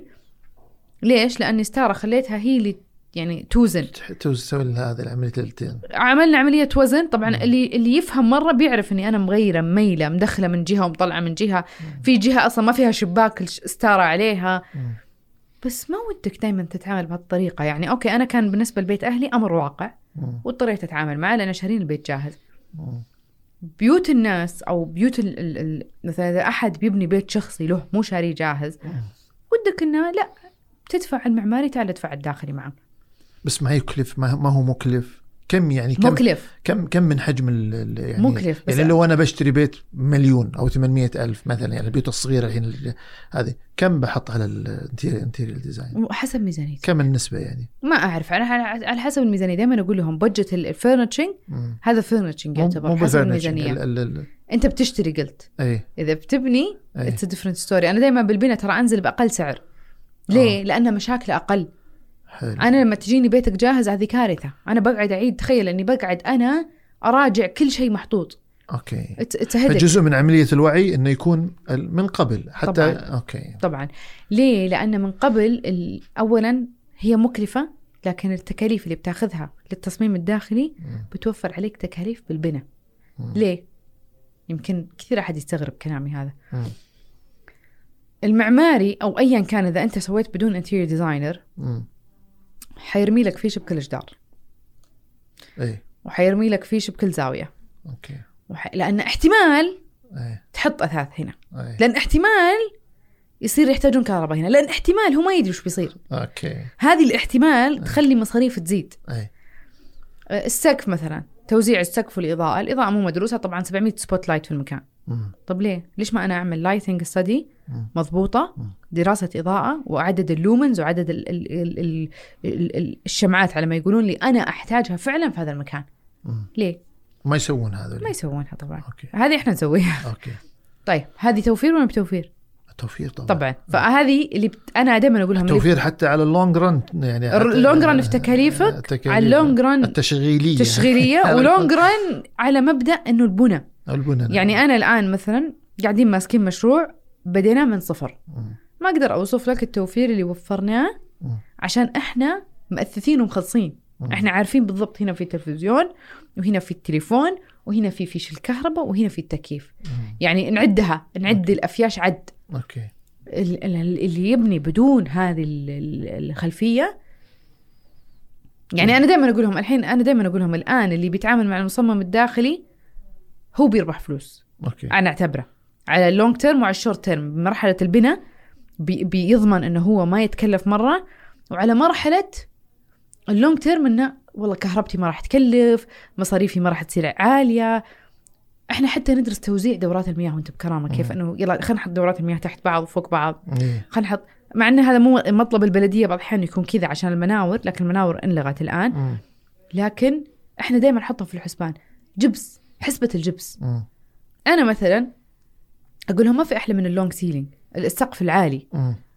فليش ليش آه ليش أحط جبس في كل هذا أحط جبس على الأطراف وأخلي اللي, اللي هذا على الصبة مم. يضحكون علي أقول لهم هذا توفير فلوس مم. شو لا أحط جبس يعني في ناس ما تفهم هذا ال part okay هذه details صغيرة. تفرق طب أنا ودي أسأل بعد يعني مع إنه هذا شغلة بس كيف يعني أكيد أكيد عندك يعني يعني شيء تضيفينه في هذا الجانب كيف تأثير انه يعني التصميم على نفسية الإنسان هذا مجالي عن أي. سايكولوجي أنا أنا. قد سويتها قد طلعت في حلقة كاملة عن ال psychology of color هو تأثير ممتاز. الألوان على الناس اي تأثير التوزيع على الناس. التوزيع الإضاءة آه أنا أقدر أقول لك إن الألوان. 90% من راحتك في المكان. الحين حتى اللي يسمونها إيش؟ ال usability ال usability حتى على ترى اللي هي ال circulation وال usability ال usability يعني حتى على حتى على ال design حق البيوت يعني. كيف تاثير على الإنسان؟ فوق ما تتخيل يعني ما ما نبغى ندخل في هذيك السواليف حقين الطاقة وما الطاقة لا بس تراني فعليا ترى يعني. أنا درست أي. course طاقة مع إني ما أتكلم ما عنه بس ما ترى ما ما- نحبهم ما أنا ما أحبهم بس تدري إن كل اشيائهم اكتشفت إنها ثلاث ارباعها من الدينيه بس أي. هم محولينها بطريقة أخرى اي لكن أنا أرجع أقول لكم أرجع أقول دائما سبحان الله استقبال القبلة في طريقة ال- السرير دورات المياه إنه دورات المياه أنا اكتشفت أبسط شيء أنا دائما أحرص عليها عند عملائي. مم. أنا أنا شخصيا من تجربة شخصية. أي. كنت حاطة سريري على جدار دورة المياه. أوكي. ما كنت أنام. صدق والله. أقسم بالله العظيم إني ما كنت أنام. غيرتها. بس هذا عاد ما له علاقة. هذا هذا, ما له علاقة بالطاقة هذا آه. علاقة أنا أعتقد هذا من رب العالمين لأنه خبث والخبائث أوكي. سبحان الله يعني صدق صدق ال- الخبث والخبائث كلها فوق راسي. فعلا كانت جدا سيئة. والحين أنتم تراعون هذا الشيء في التصميم. أنا من الناس اللي مرة أهتم فيه. أي. دائما البنات عندي في مكتب مهندس وش فيك عليه؟ قلت لا لأني جربته شخصيا. متعب. أنا ما كنت أدري من إيش وكنت أطلع عند أمي أقول لهم أنا فيني أرق مو بعادي وأنا. أنام. غيرت بس مكان السرير. سبحان الله. ذيك الليلة طلعت لهم قلت لهم أنا نمت نوم ما نمت من سنة. سبحان الله. قالوا لي شكله من مكان الح... من السرير سبحان الله لما رب العالمين و... وفي كذا حديث إنه جانا إنه أماكن الخبث إيه. والخبائث ما يعني ما هي. مفضلة ولا هي محببة. اكتشفت إنه بالواقع بعد تجربة شخصية صدق فصرت دائما أحرص عليها في هذا الشيء لكن هي مو لها بالطاقة ال circulation سهولة الوصول أي. دائما التوزيع كيف سهولة وصولي مثلا عملي اي عملي سهولة وصولي أبى أدخل من الباب حق البيت أبى أطلع الدرج على طول فأنا لازم أخلي عندي مسار معين بطريقة إحنا نسميها ال usage أو ال circulation إي. مساحة الحركة. مساحة في ناس كثير ما يراعون مساحة ما يراعون تعالى. يعني هذه مثلا من الأشياء اللي أنا لقيتها بعض الهفوات عند بعض الناس اللي مو دارسين أي. دراسة. أي. ان إن مساحة الحركة مضروبة عندهم. أوكي. ما يدرسونها صح. فيكون جميل المكان يجنن. بس ما هو عملي. بس ما هو عملي أنا ما أقدر أتحرك فيه. آه، مساحة مثلا مو بس ما هو عملي يسوي لك أشياء ما تفيدك. مم. العملي هذا يحتاج فعلا دراسة وتركيز مرة. مساحة حركة الألوان اللي تنحط في المكان. مم. أنا طبعا مشروع تخرجي كان عن أطفال التوحد. عجيب. هذا أول شيء أعطاني. إيش دخل أطفال التوحد في وعي إيه هذا كل أحد يستغرب مني. أنا أنا كان عندي مشكلة. في ال interior. design كان عندي مشكلة. ما كنت أقدر أسوي مشروع إذا ما له هدف سامي. okay. الحين صار لازم الهدف السامي الفلوس بس أول ما كنت اعرف ما كنت أعرف. تحطين cause دائما. لازم أحط cause. آه. فجيت اخترت مشروع تخرج قلت أبغى أسوي مركز لأطفال التوحد. آه okay okay. فكان اي okay. فكان قعدت أبحث صيف كامل قبل المشروع خلاص أنا قررت قعدت أبحث ورحت المراكز التوحد اللي عندنا. إيه. يعني أنا لو ما فيني توحد جاني توحد. والله العظيم صدق صدق صدق. يعني أنا عملت research كئيبه يعني. كئيبة وعملت case study عنها. okay. ال- المراكز سيئة فوق ما تتخيل. طب مدرسنا إحنا وش رأيك بعد يمكن؟ آه هذه بعد. بس الآن بدوا بدوا يتطورون المدارس بدوا يشتغلون عليها لكن بغض النظر قول المدرسة okay. بالنهاية هذول أطفال normal ويتعايشون. اي أنت لما تجي عن طفل توحد أنت طفل التوحد اللي ما يفهم له اي ترى طفل التوحد ما هو يعني في بعضهم الله يشفيهم عندهم آه، عندهم يعني بعض التخلف أو عندهم بعض الإعاقات العقلية لكن في أطفال توحد عندهم جين أو أي. أو أو خلايا زايدة في الدماغ. okay. فتخيل إن واحد عنده خلايا زايدة ترى يشوفنا أغبياء يعتبر إنه إحنا أغبياء. سبحان الله. عشان كذا ما يقدر يتواصل معنا. سبحان الله. يعني ما حد يعرف هذه المعلومة ترى قليلين اللي يعرفون غير اللي عندهم سبحان الله أولاد عندهم مم. هذا المرض.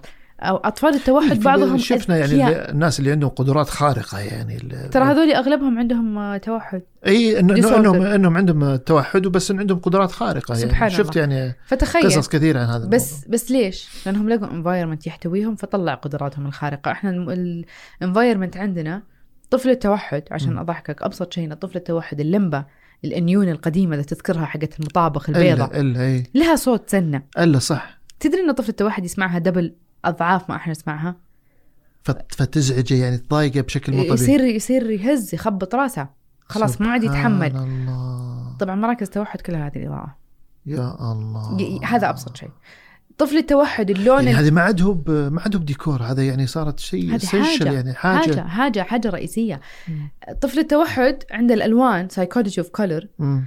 قوة رؤية اللون عنده. مختلفة عني وعنك. أنا أشوف ال- الأحمر أحمر. مم. هو الأحمر بالنسبة له ناري بقوة عظيمة عنيفة فوق ما تخيلها لدرجة أنه ما يتحمله يخليه هايبر وعدواني وعنيف.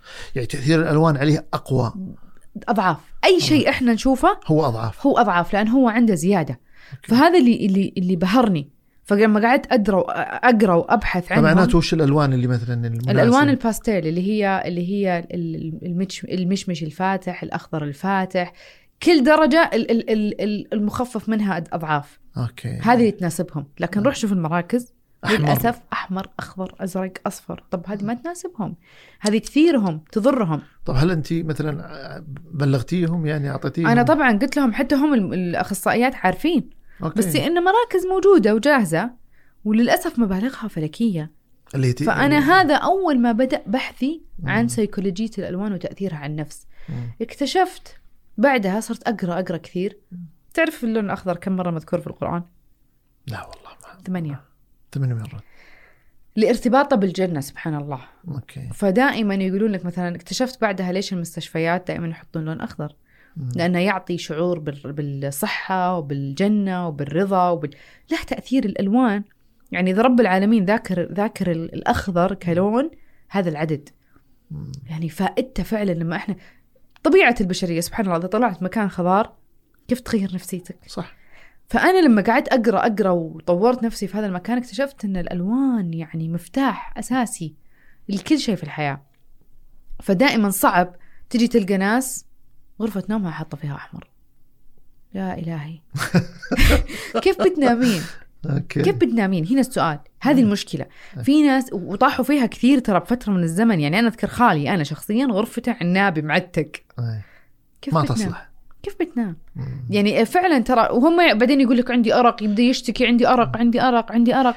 مو فاهم. اي مو فاهم السبب بس الرئيسي لو شرحت توقعين لو شرحتي لي ما راح يصدق. لا ما راح يصدق. ما راح يصدق. لين ما أنا أجي ادهنها بالغصب وقتها بيقتنع. ترى أنا أنا شخصيا يعني مزاج الكبار بالسن خلاص إذا سوى شيء خلاص ما في أمل. شيء أحلى شيء. ما في أمل يعني يقتنع ها؟ ابدا. طيب رائع جدا. فسيكولوجية الألوان أنا أنا والتأثير ال interior design على النفس. مم.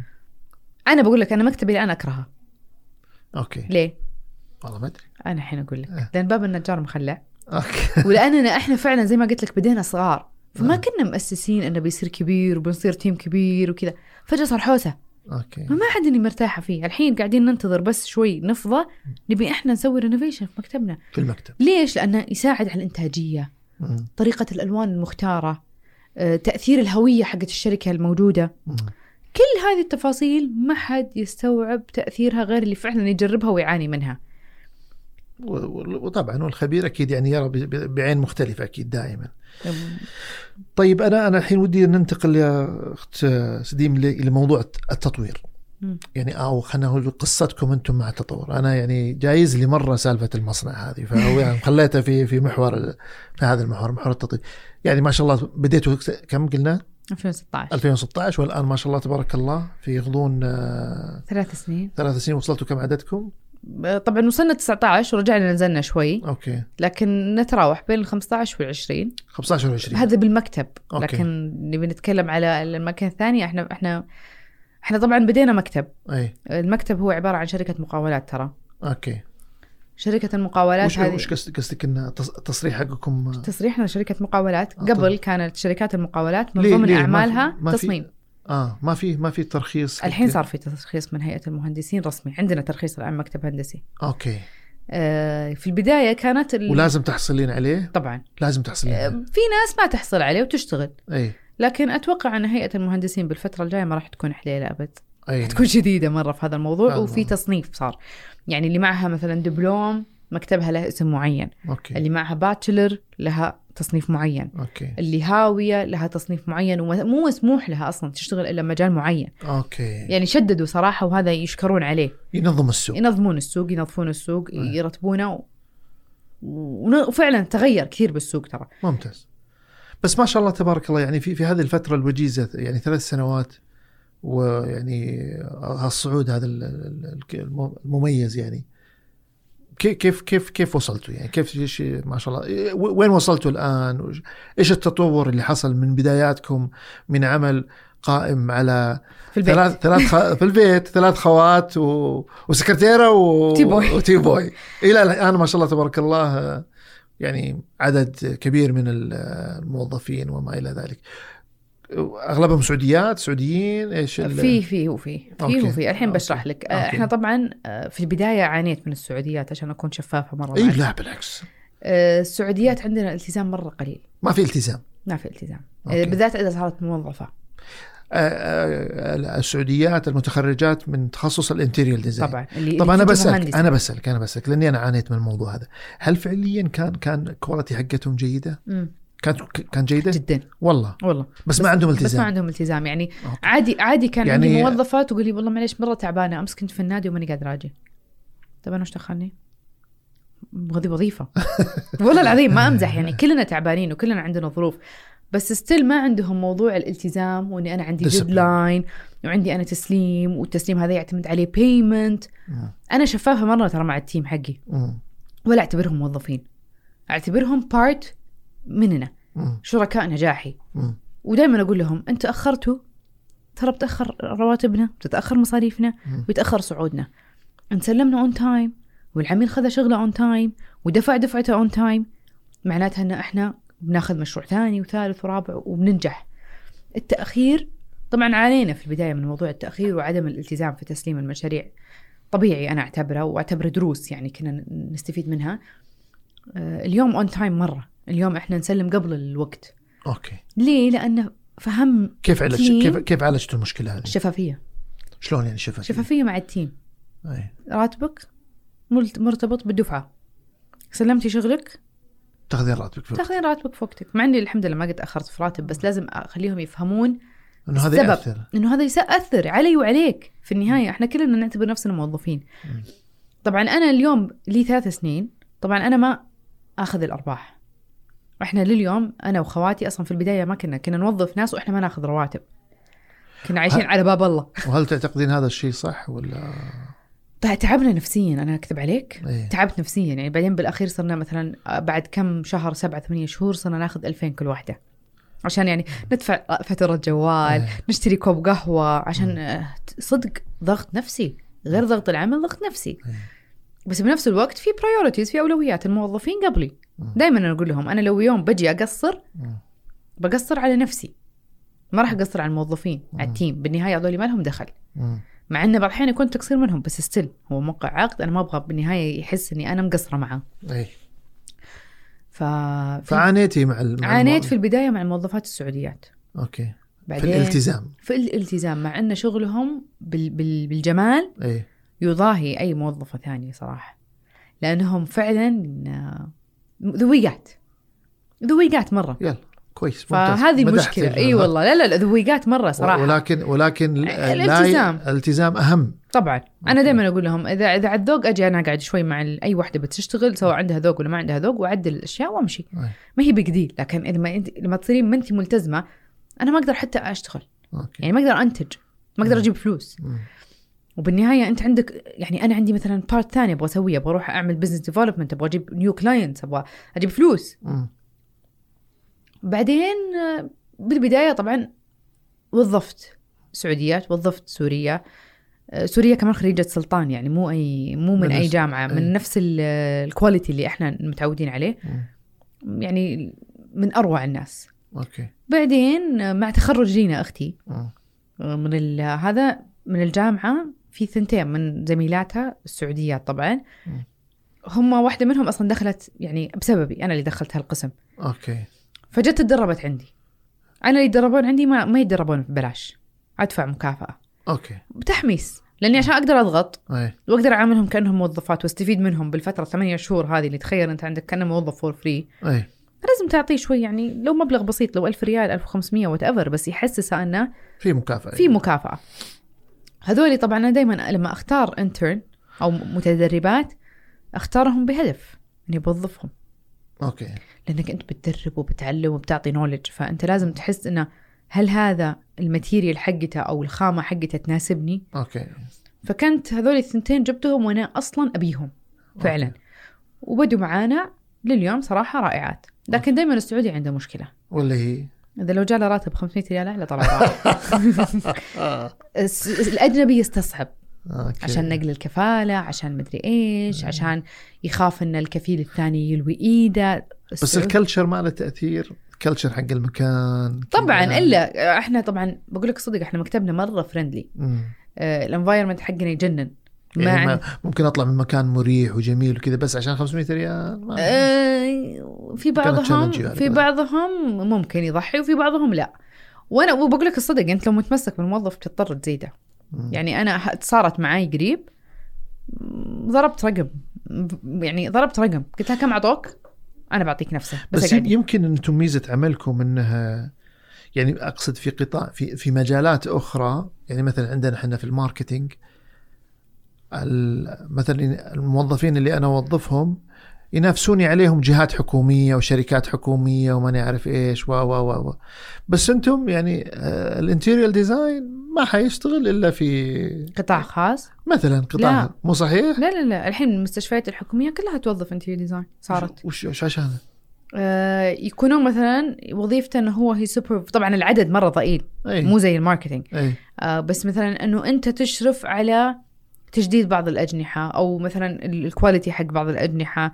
آه شركات تطوير عقاري كلها صارت تجيب interior designers okay. صار في demand صار في بدا الوعي على قولتهم يزيد. okay. فصار ال demand أعلى عليهم. مم. الشركات بعض الأحيان مو بس ترى interior design بحت اللي تاخذهم.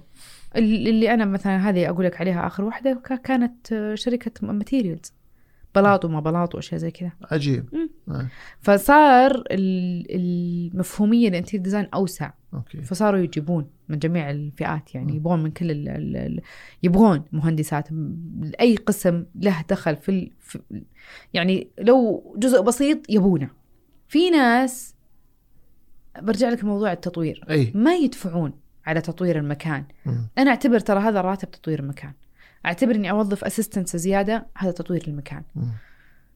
أنا بعد فترة من الشغل اكتشفت إن أنا أحول شهريا لأحد الشركات اللي أنا متعاقدة معهم أو أحد المصانع يعتبر اللي أنا متعاقدة معهم مم. التنفيذ أثاثي مم. والأشياء اللي أنا مثلا أصممها بتفصيلة معينة زي ما قلت لك بسبب وضع البيوت الحالي. ما عاد هو زي أول standard وإذا شريت standard دائما بيصير في defaults نادر ما يضبط معاك 100 120 200 ألف بالشهر مم. تخيل مم. رقم فلكي مم. احسب حساب إن هذا الشخص اللي أنت قاعد تحول له مم. غير مصاريفه في مم.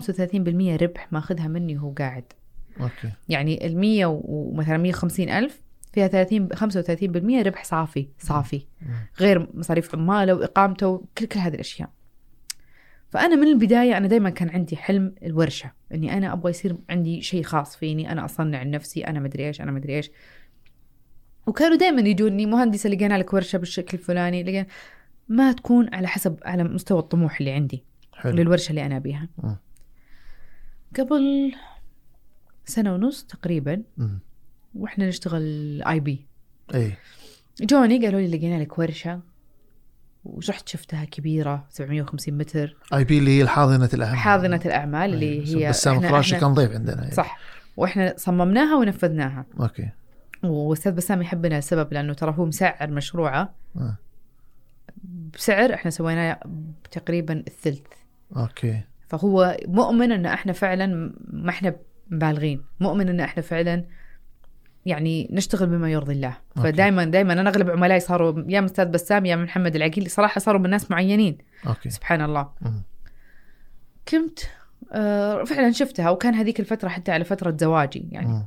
قلت okay هذه فرصتي أنا طبعا لما بحثت على موضوع الزواجات كمان هذه مشكلة ثانية تلقاها في السوق مم.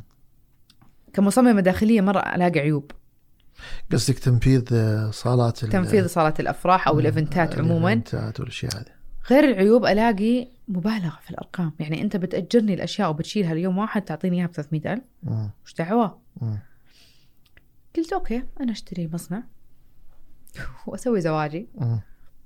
ويصير يسوي لي شغل ال- ال- الناس وهذا المصنع كيف كيف كيف وجدتوه؟ كيف لقيتوه؟ كيف يعني كيف آه، كيف طحتوا عليه؟ تتذكر حملة التستر اللي قبل سنة إلا قبل سنة وشوي وما زالت مستمرة. وما زالت مستمرة. لكن كان فيها قوة مخيفة هذيك الأيام الا إلا هو المصنع الناس الشخص سعودي متستر على هذول الأجانب يعني.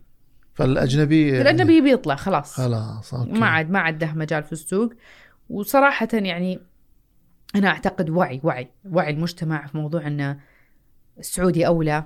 أي. آه، ليش هذا الفلان يعني قاعد ياخذ الفلوس والشركة باسم سعودي وبعدين ياخذها لحسابه. أنا أنا نفسي ترى اشتريت الأجهزة مم. لحسابه بس على الأقل كاره بلده. okay. أخذها أخذها الفلوس كاش في جيبه هو شخصيا وليس السعودي. السعودي ما له ولا ريال. المتستر. الم- المتستر عليه يعني. المتستر عليه اي. فتخيل باعني اياها صح ما أقول لك خسر. هو ما خسر مني.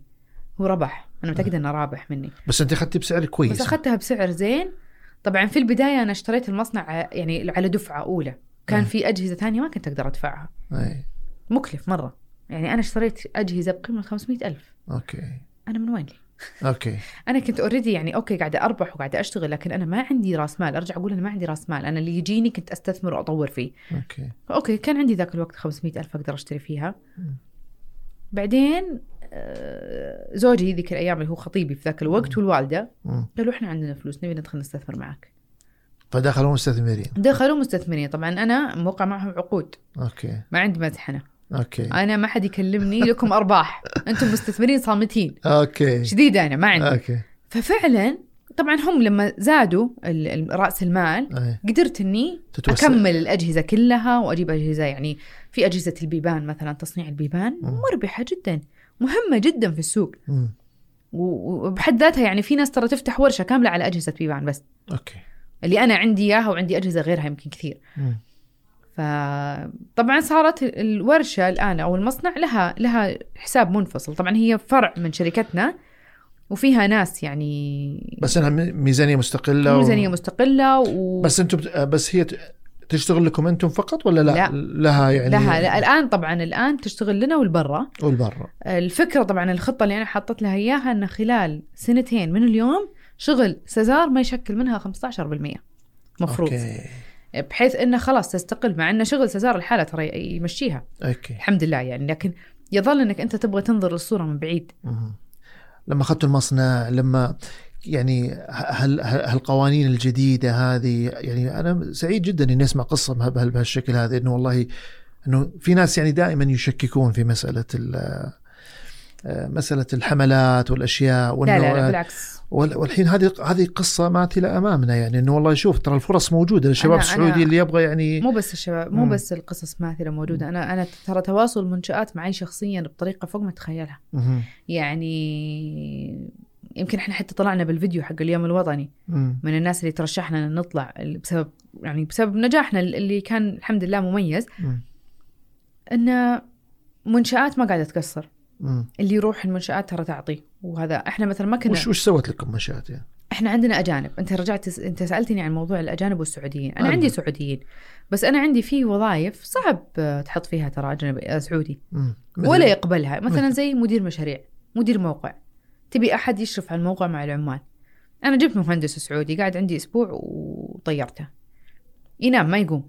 ها أوكي مشكلة هذه. يعني يمكن سؤالي الأخير إنه وش المستقبل بالنسبة لسيزار؟ آه حاليا إحنا الآن نبغى نبغى نوصل stability لسيزار مهم. والمصنع. وسبق آه، يمكن ذكرت لك تحت الهواء يعني يعني الحين ما في stability يعني؟ لا ما في stability أكذب عليك إذا قلت لك في stability معينة يظل دائما ترى إحنا دائما خايفين أوكي الخوف موجود لكن في استقرار في دخل في income لكن تبغى توقف تطوير مو توقف تطوير كل شيء لكن مم. أنت تقول والله أنا عندي الأساسيات المصنع عندي مم. المكتب عندي مم. ال team متوفقه فيه.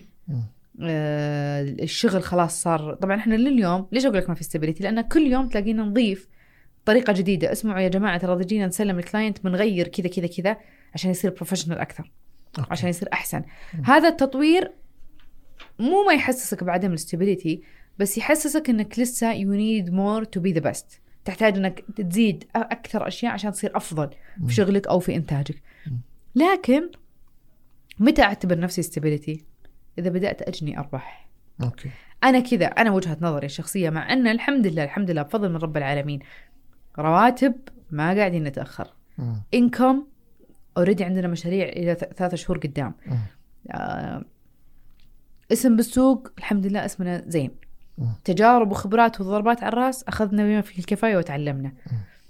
آه وما زلنا نتعلم لكن أنا دائما نصيحتي لل- للي يبدون لا تبحثون عن آه، الأرباح ال- السريعة. الأرباح السريعة أوكي وإذا جاكم أرباح لا تصرفونها طوروا مكانكم يعني طوروا ال- ال- المنطقة اللي أنتم فيها يعني أنا اليوم مثلا بس أقصد إني أنت الحين وش وش رؤيتك المستقبلية يعني زي- هل هل بتدخلون مستثمرين؟ هل بتنزلونها استثمار مغلق؟ ما أدري يعني ما أدري وش ال- حاليا حاليا ما نفكر بس بعد خمس سنين احتمال فعلا نبدأ ندخل مستثمرين خارجيين مم. وودنا يعني أنا من هنا ال- الخمس سنين أبغى بس نكبر شوي بال team أبغى نكبر بال... بالإنتاج مم. أه... أنا عندي دائما قناعة أن سلة واحدة ما تكفي. أوكي. لأن لازم المصنع يكون سلة وسزار سلة.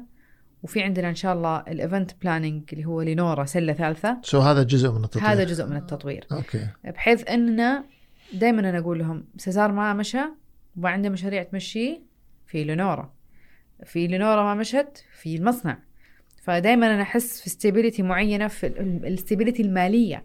لكن ك stability اسم ك stability طريقة عمل هذه لازم خلاص كلها خلال أنا بالنسبة لي من هنا إلى نص 2020 مم. لازم أكون وقفت لازم أعرف إن أنا خلاص وصلت المرحله الأشياء اللي بعدلها ما هي major زي اليوم إحنا اليوم. نعدل أشياء major يعني الحين هذه كلها استثمارات في ال infrastructure استثمارات آه، بالضبط. في راس المال يعني. ودنا ودنا بعدين إن شاء الله إن شاء الله يعني أنا كمان من الأشياء اللي أطمح لها إني أبطل أجار أوكي أنا من الناس اللي ودي أصير أستثمر في أصول للشركات يعني سيزار يشتري مم.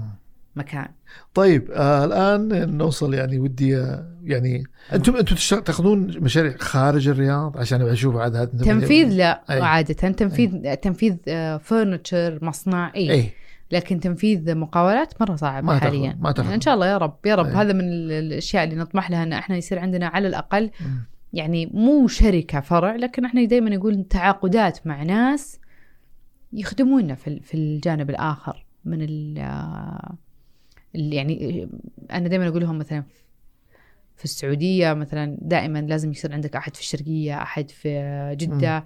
لو تتعاقد معهم بطريقة معينة بالذات الشغل المقاولات. أما التنفيذ سهل يمديك تاخذ اشيائك و- أو الفرنتشنج يعني. مم. أصنع هنا وكل شيء وأروح أركب حدها أسبوع وانت طالع يعني.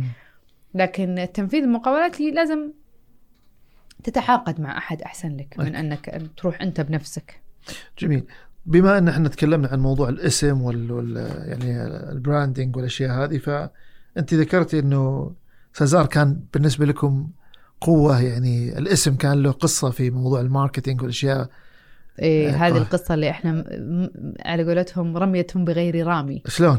احكي لي أنا فعليا الاسم هو اسم أبوي مع مع اسمي. وأنا أبوي الله يغفر له ويرحمه اسمه نزار. وأنا اسمي سديم. فانا شلت أول حرف من أبوي. اللي هو النون. شلته وحطيت بداله سين. الاسم كان رنان يعني سزار. رنان مرة ويقعد في الراس. يعني ما. هو اسم صعب مع إن كثير ناس يقولون لي سيزر وي- ويذبحوني إذا قالوها. بس still يظل اسم رنان. أوكي. اكتشفت بعد فترة انه كثير ناس ما يعرفون أنا مين. بس يعرفون إن فلانة اللي اخذ اللي اسم ال brand حقها على اسم أبوها. أبوها الله يرحمه اللي توفى اللي كان يبغى. هذه ال story طبعا أنا بعد فترة قعدت مع companies ثانية. أو branding و marketing companies وقلت لهم عن عن الاسم. قالوا لي تدرين إن إحنا we create story لكل brand نسويها. صحيح طبعا. قال لي أنت you created شيء emotional مرة للناس مم. تخليهم touchy مرة معك يعني تخلي الناس تتعلق في attachment بين قصتك اللي هي حقيقة وإن أنت ما اخترعتيها ولا ألفتيها. نعم. وبين إن ال brand نفسه فيصير عندهم دائما loyalty أعلى لك. أوكي. which is هذا أنا صراحة رمية بغير رامي. أنا أذكر لما كنت أقول لل- للوالدة مم. إني أبغى أفتح صفحة بال social media وإني أبغى يعني أبغى أشتغل على نفسي شوي شوي يعني. مم. 2013 طبعا. مم. كانت قالت لي والله سزار حلو يا سيدي مو انت أنتوا دائما أبوك الله يرحمه كان وده وانت كان ودك وكان يعني حلمه إنه يكون part of this يعني 2013 أنا ترى كان والدي متوفي 2009 مم. قلت لها تصدقين خلاص سزار it's سزار. فعلا بدأ سزار على صفحة social media ترى انستغرام وتويتر وفيسبوك وذا الأشياء. وهي ال accounts اللي الآن تستخدم هي نفسها طبعا. لو. ترجع ترى تحت تحت تحت تحت آه. حتلقى أشياء مرة واضح إنها personal touches ولا رضيت أمسحها. أوكي. لي أمسحيها قلت هذا this is my history كيف أمسحها؟ جميل. يعني في صورة بيد جدتي الله يغفر لها ويرحمها. آه. وأنا أسوي لها المجلس وتشوف المخطط وتوافق عليه. آه. This is my start. فدائما يقول لك اللي ما له اول ما له تالي okay. فأنا دائما أقول لهم اللي ما يحتفظ في كيف بدأ. والناس تروح تشوف كيف تطور. مع إن كثير شركات ترى marketing تقول لي لا يو هاف تو ديليت ات يو هاف تو ريموف ات قلت لهم أنا بال website ماني حاطتها. بال professional professional مرة. ترى أنا أعتبر ال social media ما هي 100% professional أعتبرها يظل هي personal communication أي. يعني لازم يكون فيها اللمسه لازم يكون فيها لمسة كذا شخصية. أي. website ي ما في شيء من القديم صراحة وطريقة ال website very professional أو حتى يمكن اللينكد ان أو ولا لينكد ان طبعا ما فيها ولا شيء. أي. لكن هو انستغرام لأنه فعلا فعلا بدا شخصي بدا بدا بدأ أصلا ما كان فيه إلا سديم نزار العيسى okay. وعلى لوجو قديم كنت أنا مسويتها okay. فال story هذه اكتشفت بعدين. أنا طبعا في البداية سألوني عنها في مقابله التلفزيون. وقلتيها. وقلتها. okay. Oh my God الصدمة اللي والاكشن اللي سوتها عند الناس. ال attachment التعاطف ال- loyalty okay. سبحان الله. طبعا حضرتك أكيد أخبر أنت اللي بتعطيني رأيك عاد الحين أنا. بقلب ال interview إيش رأيك؟ لا لا بالعكس أنت أنت قلتيها قلتيها إنه كل brand يعني إحنا هي فيها خمسة elements يقوم عليها ال brand okay آخرها هي القصة ال story تبني على أشياء معينة تبني على ال positioning تبني على ال... وش الوعد اللي بتقدمه تبني على أنت إيش مختلف تبني على ال personality اللي بنسميها persona اللي هي جزء منها فقط الشعار وفي أشياء كثيرة ال tone of voice والأشياء وكل الأمور هذه كلها. بعدين آخر شيء story عاد ال story هذه الحين المقابلة صارت الحين أنا اللي إيه. okay لا ما يصير كذا. بس أقول لك يعني الق- القصة هذه آخر شيء ممكن إنها تكون قصة حقيقية.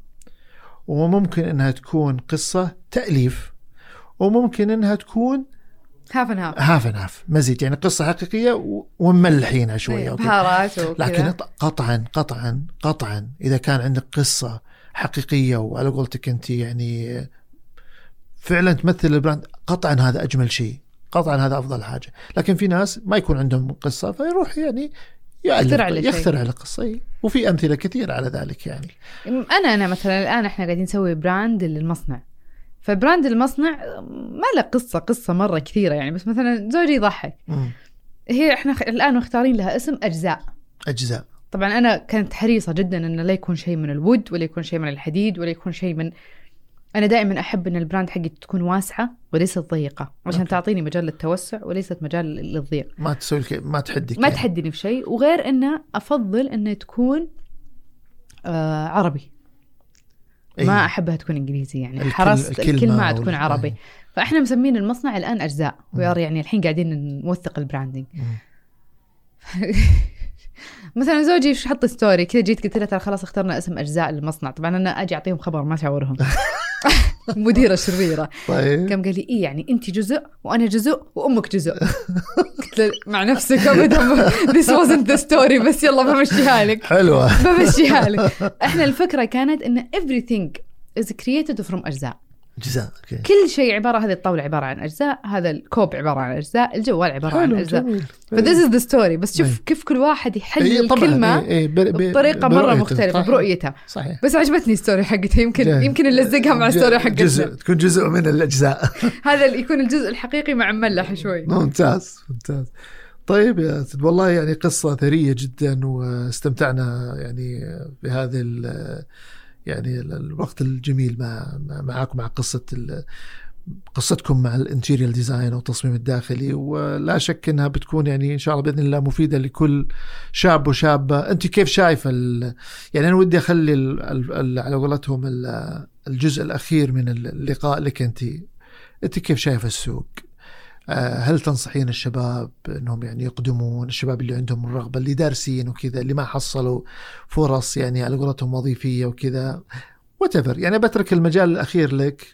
تقولين فيه ما شئتي وما أردتي يعني. يمكن ما غطينا أشياء مهمة أنت كان ودك أن نعرج عليها في اللقاء. طبعا المجال ترى واسع جدا ويبي له وقت لكن أنا باختصار اللي أقول دائما إنه مو شرط عشان ما لقيت وظيفة بس. أو مو شرط يمكن أنا ما لقيت الشيء اللي أنا يستهويني أو أنا يجذبني ي- ي- يشبع شغفي. في المجال في كثير ترى وظائف نلقاها في المجال لكن مو هذا مو هذا اللي أنا أبحث عنه أو مو هذا اللي أنا أبغاه مثلا أنا زي ما أنا خبرتك أنا مثلا ملت أكثر للمقاولات في- مرحلة. فلما كنت أشتغل في شركة التطوير انبسطت مرة لأنه نفس المجال تقريبا. آه بس مثلا لما كنت معيدة في الجامعة لا كنت أحس نفسي طفشانة okay أنا أبغى أعلم كان هدفي مثلا من التعليم إني أنا أساعد أنا كان عندي هدف توصيل رسالة مم. إني أنا كل اللي أنا عانيت منه في الجامعة مم. أبغى أوصله للناس بطريقة مرة سموث. أو أو الأخطاء اللي أخطأتها. توصلهم بطريقة بسيطة فاكتشفت اني لما صرت برا في مجالي ال individual وصار عندي سناب شات صرت أقدر أوصل نفس هذه الأشياء بدون بس حتى التعليم. اكتشفت إن الإنسان يقدر يوصل المعلومات اللي يبغاها بعدة طرق. لكن المجال كبير كبير كبير كبير جدا. السوق. جدا. السوق وال demand والطلب. والطلب عليه. لكن ينقص شيئين okay. مصداقية وتفاوت أسعار. مصداقية؟ مصداقية المهندسين. أوكي. صراحة. وتفاوت الأسعار. الموجود الآن صايرين كلهم يضربون بالعالي. فاللي بيبدأ صغير بيلاقي ناس. يعني في كثير أنا أقعد مع كثير من المصممات تقول لي أنا ما ابدا الا في 300 ألف 400 ألف. أنا ماني من الناس اللي أحط رقم ماني أحط limit مم. صراحة. فاكتشفت إن جزء من أسباب نجاحي إن إني I don't put numbers ولا أحد العميل على الرقم. أنا أهم شيء بالنسبة لي آخذ نسبتي حق التنفيذ وأخذ تصميمي بغض النظر إن شاء الله تكلفة المشروع مليون. ولا تكلفه تكلفته 200 ألف يعني أنت تقصدين إنك أنت بديتي يعني organic يعني organic growth خلينا نقول آه، نموك كان organic كان نمو طبيعي ما طبعا هو ما هو نمو سريع. بديتي من انستغرام إلى إلى إلين صار عندك مصنع يعني في ال- في ال- والأغلبية لازم يبدون كذا. فأنت وللآن تقولين شباب إنهم مشكلتهم بعض الأحيان إنهم من البداية يبغى يصقع يبغى بالارقام يسقع بالرقم. أوكي. ويبغى مثلا يحط قيمة الس... أنا السوفا إذا ما تخليني أنفذ مجلسك ب 200 ألف ترى ما راح أشتغل لك. طب ليش. اشتغلي لها مجلسها ب 80 ألف طب إيش الضر. ما هو فعليا يصير. عرفتي على standard اللي هي تبي أنت بالنهايه مالك دخل. حطي your own cost. قولي والله أنا مثلا أنا تكلفة المشروع هذه علي أنا شخصيا. بتعطيني مثلا 15000 حق التنفيذ. مثلا وبتعطيني 10000 حق التصميم. بغض النظر أنا قاعدة أرمي أرقام. لكن put your own cost وخلي العميل ينفذ بالسعر اللي يبغاه أنت نفذي له إياه بالسعر اللي هو يبغاه إحنا للأسف هذا اللي يخلي بعض الأحيان المصممين يقول لك ما في. ما يبون. زي اللي يقول لك ما في وظائف بالسوق. أوكي. يعني أنا ترى هذه كلمة تستفزني مرة. ما في شيء اسمه ما في وظائف بالسوق. الس- السوق أتفق معك تماما. أنا قبل فتره قبل فترة أعلنت على على موظفات. جاني CV ات تبكي. قلت بعذره ما في وظائف بالسوق لأن CV اتكم تبكي. أي. اللي يكتب لك بال Word ويرسل لك Word file. اللي يكتب لك الإيميل. شيء عجيب. فما أبغى أدخل في هذا الموضوع لكن الفكرة إنه. دائما في فرصة. دائما دائما لكن الفكرة إنه أنا كيف أرى الفرصة في ناس يرون الفرصة عقبة. وفي ناس يحطونهم العقبة ويقول لك ما في فرصة لا. خليك سهل سمح. لين. حليل. صدقني بيجيك كل شيء لحدك لكن أما تحط كل العقبات وتحط سعر عالي وتحط ديماند وتعيش العميل في يعني ترى حتى تكبر الشيء على نفسك انت تكبر على نفسك يمكن انت وتكبر ما على عندك. ال capacity حتى انت انك يعني you deliver مثلا أو شيء من القبيل. وكثير الحين يجوني كثير ناس تقول لي دفعت لفلانة وما سلمتني دفعت لفلانة وما سلمتني دفعت لفلانة ولها ثلاثة شهور تسحب فيني. طب ليه. هذه مشكلة. مشكلة. وأنا دائما أقول لهم هنا أرجع دائما أنا عملائي لما أعطيهم العقود عقودي بعض الأحيان ست صفحات. يقولوا أوف وش هذا؟ قلت لا. يحميني ويحميك. خلينا نتهاوش قبل على قولة. إيوه يحميني ويحميك. قبل ما نبدأ. بعدين بعدين أنا ميزة العقد. إي ميزة العقد إنك أنت تعرف وش لك وش عليك. جميل. فأنا دائما أقول لهم السوق موجود. بس كمان الغيرة والحسد إذا موجود. موجودة. دائما أنا أقول لهم رب ارزقني وارزق مني. أوكي. ب- بعمري ما شفت شغل الوحدة إلا قلت ما شاء الله الله يوفقها. الفكرة انه قليلين. يعني أنا بين مجالي اللي أشوفهم كذا زيي أنا وياهم حتى تلاقينا بعض الأحيان فلانة ترى ما جاني عميل فلاني وحولت عليك. وجاني العميل الفلاني وحولت عليك. ما عندي كباسيتي أشيله. نادرين نادرين نادرين وتلاقيه هذا قال لها بروح فلانة تسب. طب ليش ربي يرزقني ويرزق مني صدقيني إذا أنت كنتي سبب في رزق فلانة أو رزق فلانة أو رزق فلانة أو ساعدتي فلانة يدقون علي ناس مبتدئين. سديم ودنا نقعد معك بالذات بعد ما سويت جلسة حوارية مع أستاذ بسام في, VIP. كثير جوني. سديم نبغى نبغى تعلمينا. تعالوا. تبين تداومين بالمكتب؟ عندي تعالي داومي وشوف الشغل. ما عندي لا غيرة ولا حسد وعندي قناعة. أستاذ محمد هذا أنا دائما أقولها. إحنا أحسن مصممات في البلد. إحنا أميز مصممات في البلد. ولا إحنا the most creativity ولا شيء. أنا أقولهم ما عندي شيء مميز. مم. غير إني أنا الحمد لله نيتي صافية أوكي. النية إذا أنت أبدأ وانوي الخير. وحط في بالك إن أنا زي ما أنا أبغى أشتغل فلانة بتشتغل وفلانة بتشتغل وفلانة بيشتغل و... و... السوق يتسع والسوق للجميع. يتسع للجميع. بس للأسف إحنا نظرية الحسد ونظرية المؤامرة ونظرية ال... إن إذا هذا أخذ هذا المشروع أنا بقعد بدون شغل. هذه ما تجيب إلا الخسائر لي اولا قبل الناس. لكن تلاقيني يعني دائما أنا أقول لهم يعني أنا كثير عندي كثير من البنات اللي أنا أثق فيهم يجيني مشروع أعتذر عنه مثلا. تقول لي طب مين ترشحين؟ أقول والله برسل لك رقم فلانة وفلانة وفلانة والله يقويكم. مثلا يجوني ناس أعرف إنه لا فلانة ولا فلانة ما راح ترضى فيهم أقول لها والله أنا بحجم مشروعك أو بطريقة مشروعك ما عندي أحد بيقبله يعني أعرف إن البنات اللي حولي. ما يشتغلون هذه طب الشغل لكن بعض الأحيان أعرف ان البنات اللي حولي بياخذون هذا الشغل وبينبسطون فيه إذا أنا ما أقدر أغطيه. ليش لا؟ ليش ما أنا أكون بالعكس و... يعني حتى تلاقيهم بوسائل التواصل. آه، أحزاب وشلل. وأشياء غريبة. أنا صراحة يعني في البداية دخلت بقوة في عالم ال social media وكان متابعيني عدد مهول. أوكي. لكن بعد التجربة بعد ما شفت الوضع حسيت ان كذا قاعدة أكبر الحرب ما قاعدة أصغرها. أوكي. قمت. تراجعت انسحاب تكتيكي على. انسحاب تكتيكي وانتهيت بشغلي. آه. أكثر. يعني كثير ناس يعتبون علي سديم انت ما عاد تطلعين تحكين زي أول انت ما عاد صار الوقت ما عاد يساعد. أه، صراحة بعد الزواج صار أكثر ما عاد يساعد. أكيد. أه، صار إنه في في منافسة شينة ما هي بلطيفة. فصرت إذا عندي شيء فعلا مفيد فتحت سناب وحكيت. ما عندي شيء مفيد تلاقيني أقعد بالثلاثة والأسبوع ما أتكلم وسنابنا ساكت نحط بعض الأحيان بعض الأعمال وبس. ل- للأسف في ناس استخدموا وسائل التواصل ضدهم مو معهم. وفي ناس ما شاء الله مستخدمين وسائل التواصل خدمة مجتمعية يساعدون الناس. ترى دائما اللي يعطي للناس بدون ما يحسبها بالملي ترى سبحان الله المردود عليه يجي أكبر. أنا شفتها في تجربتي أنا الشخصية. يعني أنا كثير لليوم. قد ما تعطي قد لليوم ترى أنا ما أفتح اذا فتحت. سناب ولقيت ناس يسألوني أشياء هذه ناخذ عليها فلوس. مم. فلوس فعليا. أنا أنا استشارتي بفلوس. مم. أجاوب. ليش أجاوب؟ أقدر أقول لها والله عذرا حبيبتي آه، تواصلي مع السكرتيرة. بس أنا أجاوب لأن خلاص هي سألتني سؤال. أعتبرها زكاة دراستي. مم. وأفيدها. وبنفس الوقت يعني كلمة حلوة ودعوة حلوة منها وهي مبسوطة من معلومة بسيطة ما كلفتني شيء. تعطيني الكثير. بركة. بركة. في ناس حتى بهذه يبخلون. أوكي. إذا في بداياتك وبخلتي في ذي مصيبة. بقول صرتي صاحبة مكتب وشركة كبيرة. وش بتسوين؟ مم. يعني أنا دائما الحين أحرص أكثر من أول على رد اللطيف. ما أبغى أحد يقول سديم بدأت تكبر وتكبرت. أوكي. هذه شينة. شينة مرة. مم. وكلام الناس ما يرحم مم. للأسف فتلاقيني إذا فتحت سناب شات واحد سألني أحرص أرد بعض الأحيان أقول لها شوفي أنا معليش ما فهمت ارسلي لي واتساب مم. فيديو أوضح أو كذا عشان أقدر أرد عليك مو بعشان مو بعشان أنا مجبورة. عشان هذا أحس زكاة علمي. وأحس إن هذا word of mouth. وعشان آه، دائما مو كل شيء مقابل في الحياة في أشياء لازم تعطيها بدون مقابل مشكلة دائما اللي يبدأ صغير كل شيء عنده بريء مم. مو بصدق. أنا وارجع أقول أعطي من فلوسك في البداية. مو بس ترى تعطي من فلوسك لشغلك. أعطي من فلوسك لربك. وأنا دائما أقولها سبحان الله يصيرون هذول مسؤوليتك.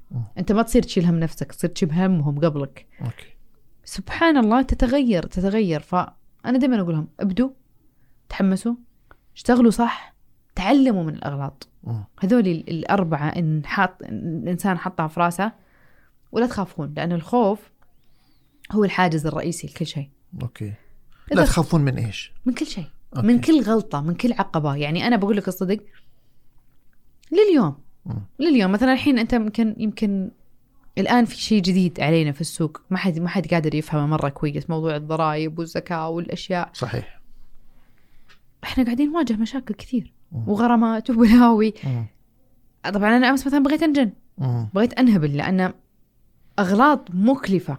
أغلاط الوحدة زيي it will cost me المكان كله. لكن يعني حتى أختي تكتب لي في الواتساب قالت أنا ما أدري ما أدري. قاعدة أسألها عن أشياء كذا مرة شخصية. قامت قالت أنا ما أدري شلون لك نفس. وأنت عارفة إن إحنا ممكن ننصقع في غرامة في مبلغ وقدره. إيه. قلت وش تبيني أسوي؟ توقف الحياة؟ لايف will goes on. عادي الحياة بتمشي. دائما صار عندي مبدأ يمكن كثير ناس يزعلون من كلمتي. خسرت أبوي مم. ولم تقف الحياة. أوكي. ما في شيء في الحياة بيخليني أوقف. خلاص. تعلمت درس. يعني أنا كنت دائما أحس إنه إذا صار شيء لأحد من أهلي أو أمي أو أبوي يعني كنت أحس إنه خلاص ال life will be ended. خلاص أي. تنتهي تنتهي. اكتشفت إن حياة تستمر الحياة تستمر وسبحان الله القوة اللي جتني بعد وفاة أبوي ما كانت موجودة عندي. سبحان الله. وإن خيرة رب العالمين إحنا ما ندري عنها. فبعدها تعلمت إنه كل كسرة فيها قوة فيها تعلم فيها درس فيها معرفة. الأشياء أنا ما كنت أعرفها. أنا أبوي ترى توفى صغير مرة عمره 53 سنة. أنا كان عمري خم... 23 مم. which is وكنت لسه بالجامعة وكنت لوزر مرة. مم. وفاة أبوي هي اللي خلتني أنجح في الدراسة. وفاة أبوي هي اللي خلتني أفتح سزار. مم. وفاة أبوي هي اللي أقول لهم لليوم لما أفكر كل أحد يقول لي كيف تقولين ذا الكلمة؟ أقول لهم أنا يمكن لو أبوي مو متوفي أنا ما راح أكون في المكان اللي أنا فيه اليوم. كان غريزة البقاء؟ غريزة ال... وهي غريزة البقاء لأني عرفت إنه ما حد ما حد حينفعك ما الا حد أنت. حينفعك إلا أنت. أبوي الله يغفر له ويرحمه كان دائما يقول يقول لي إياها بس ما كنت أفهمها. كيفك؟ تبين تدرسين؟ ادرسي ما تبين تدرسين لا تدرسين بالنهاية ترى لك. فهمتي معناتها بعدين. ولا كنت أستوعب. أوكي. ولا كنت أستوعب. أبوي ما كان يهاوش ترى على الدراسة. أبد أبد يعني. كنت أقول لهم ليش ما ليش ما كان يهاوشنا؟ أنا اكتشفت يوم توفى أبوي إن أنا فعلا ما كنت أدرس. أوكي. بس سبحان الله صرت أنا أدرس من رغبة شخصية وليس من خوف لا من أبو ولا من أم. مم. فيرجع موضوع غريزة البقاء. فعلا هي غريزة البقاء. بسمع بالحلقة غريزة هذا البقاء. الحلقة هذه بنسميها غريزة غريزة البقاء. مو التصاميم التصاميم وغريزة البقاء. لأن صدق اكتشفت انه فعلا ما في شيء بالحياة يخلي الإنسان يستمر. غير غريزة البقاء ويعرف إنه بالنهاية زي ما أبوي يشتغل لنا. أنا الحين بشتغل لعيالي. وعيالي بيشتغلون لعيالهم وتستمر الحياة لغريزة البقاء إنك عندك ناس لازم يعيشون. وعندك طموح عندك حلم. بغض النظر كان كبير أو صغير بسيط إذا هو موضوع أكل وشرب ونوم ولا إذا هو موضوع اسم وشهرة ونجاح. أنا دائما أقول لهم أنا أنا أحلم إن عيالي مم. يدورون شركتي. عاد بتجبرينهم. يمكن ما هم شو ما اسمه أدري بس أنا شو أنا الحمد لله عندي بنت أخوي. كل ما. دخلت المكتب قالت أنا المديرة. أوكي. قلت زين إذا طلعوا عيالي ما يبون عندي بنت أخوي. وفعلا تدخل تهاوشهم عمرها سبع سنين. أنت الحين مديرة. شوفي هذولي ما قاعدين يشتغلون قاعدين يسولفون. قلت لهم والله جتكم والله جتكم ترى من نفسها. وتطلع بالحين تقول أنا بصير مهندسة. قلت إن شاء الله نظامنا واحدة تمسك مكاني. بس فعلا يعني دائما أقول لهم إذا مو بعيالي عيال أثير أختي إذا مو بعيالي أثير أختي عيال لينا فأنا ودي دائما تلقى الشركات الكبيرة. يمكن نسوي حلقة هنا عن زي الراجحي. عن عن ال- ال family business. بيكون موضوعها مرة مسلي يعني. يا ريت والله. يعني. أنا لو جيبوني جيبوني أشوف يمكن أطلع عيالي معنا. بس أنت تشوف دائما الشركات الكبيرة القديمة العريقة. أي. by default العيال مسكوها by default سواء طيب، حبوا أو يعني ما family حبوا. معناتها كذا يعني. فإن شاء الله يحبون وما يحبون بيمسكون. إن شاء الله إن شاء الله يا رب. في الختام يعني أنا صراحة باسمي وباسمكم جميعا آه، أشكر الأستاذة سديم العيسى الشريك المؤسس في سازار ديزاين على يعني أول شيء قبولها دعوتنا ومشاركة هذه التجربة الثرية جدا في مجال آه، رائع وجميل مثل آه، مجال ال interior design التصميم الداخلي ويعني إن شاء الله بإذن الله يعني زي ما نتمنى دائما وابدا انه يكون يعني قدمنا مادة تليق ب بعقولكم تليق بقلوبكم تليق ب ب يعني طموحاتكم. آه، في أمان الله.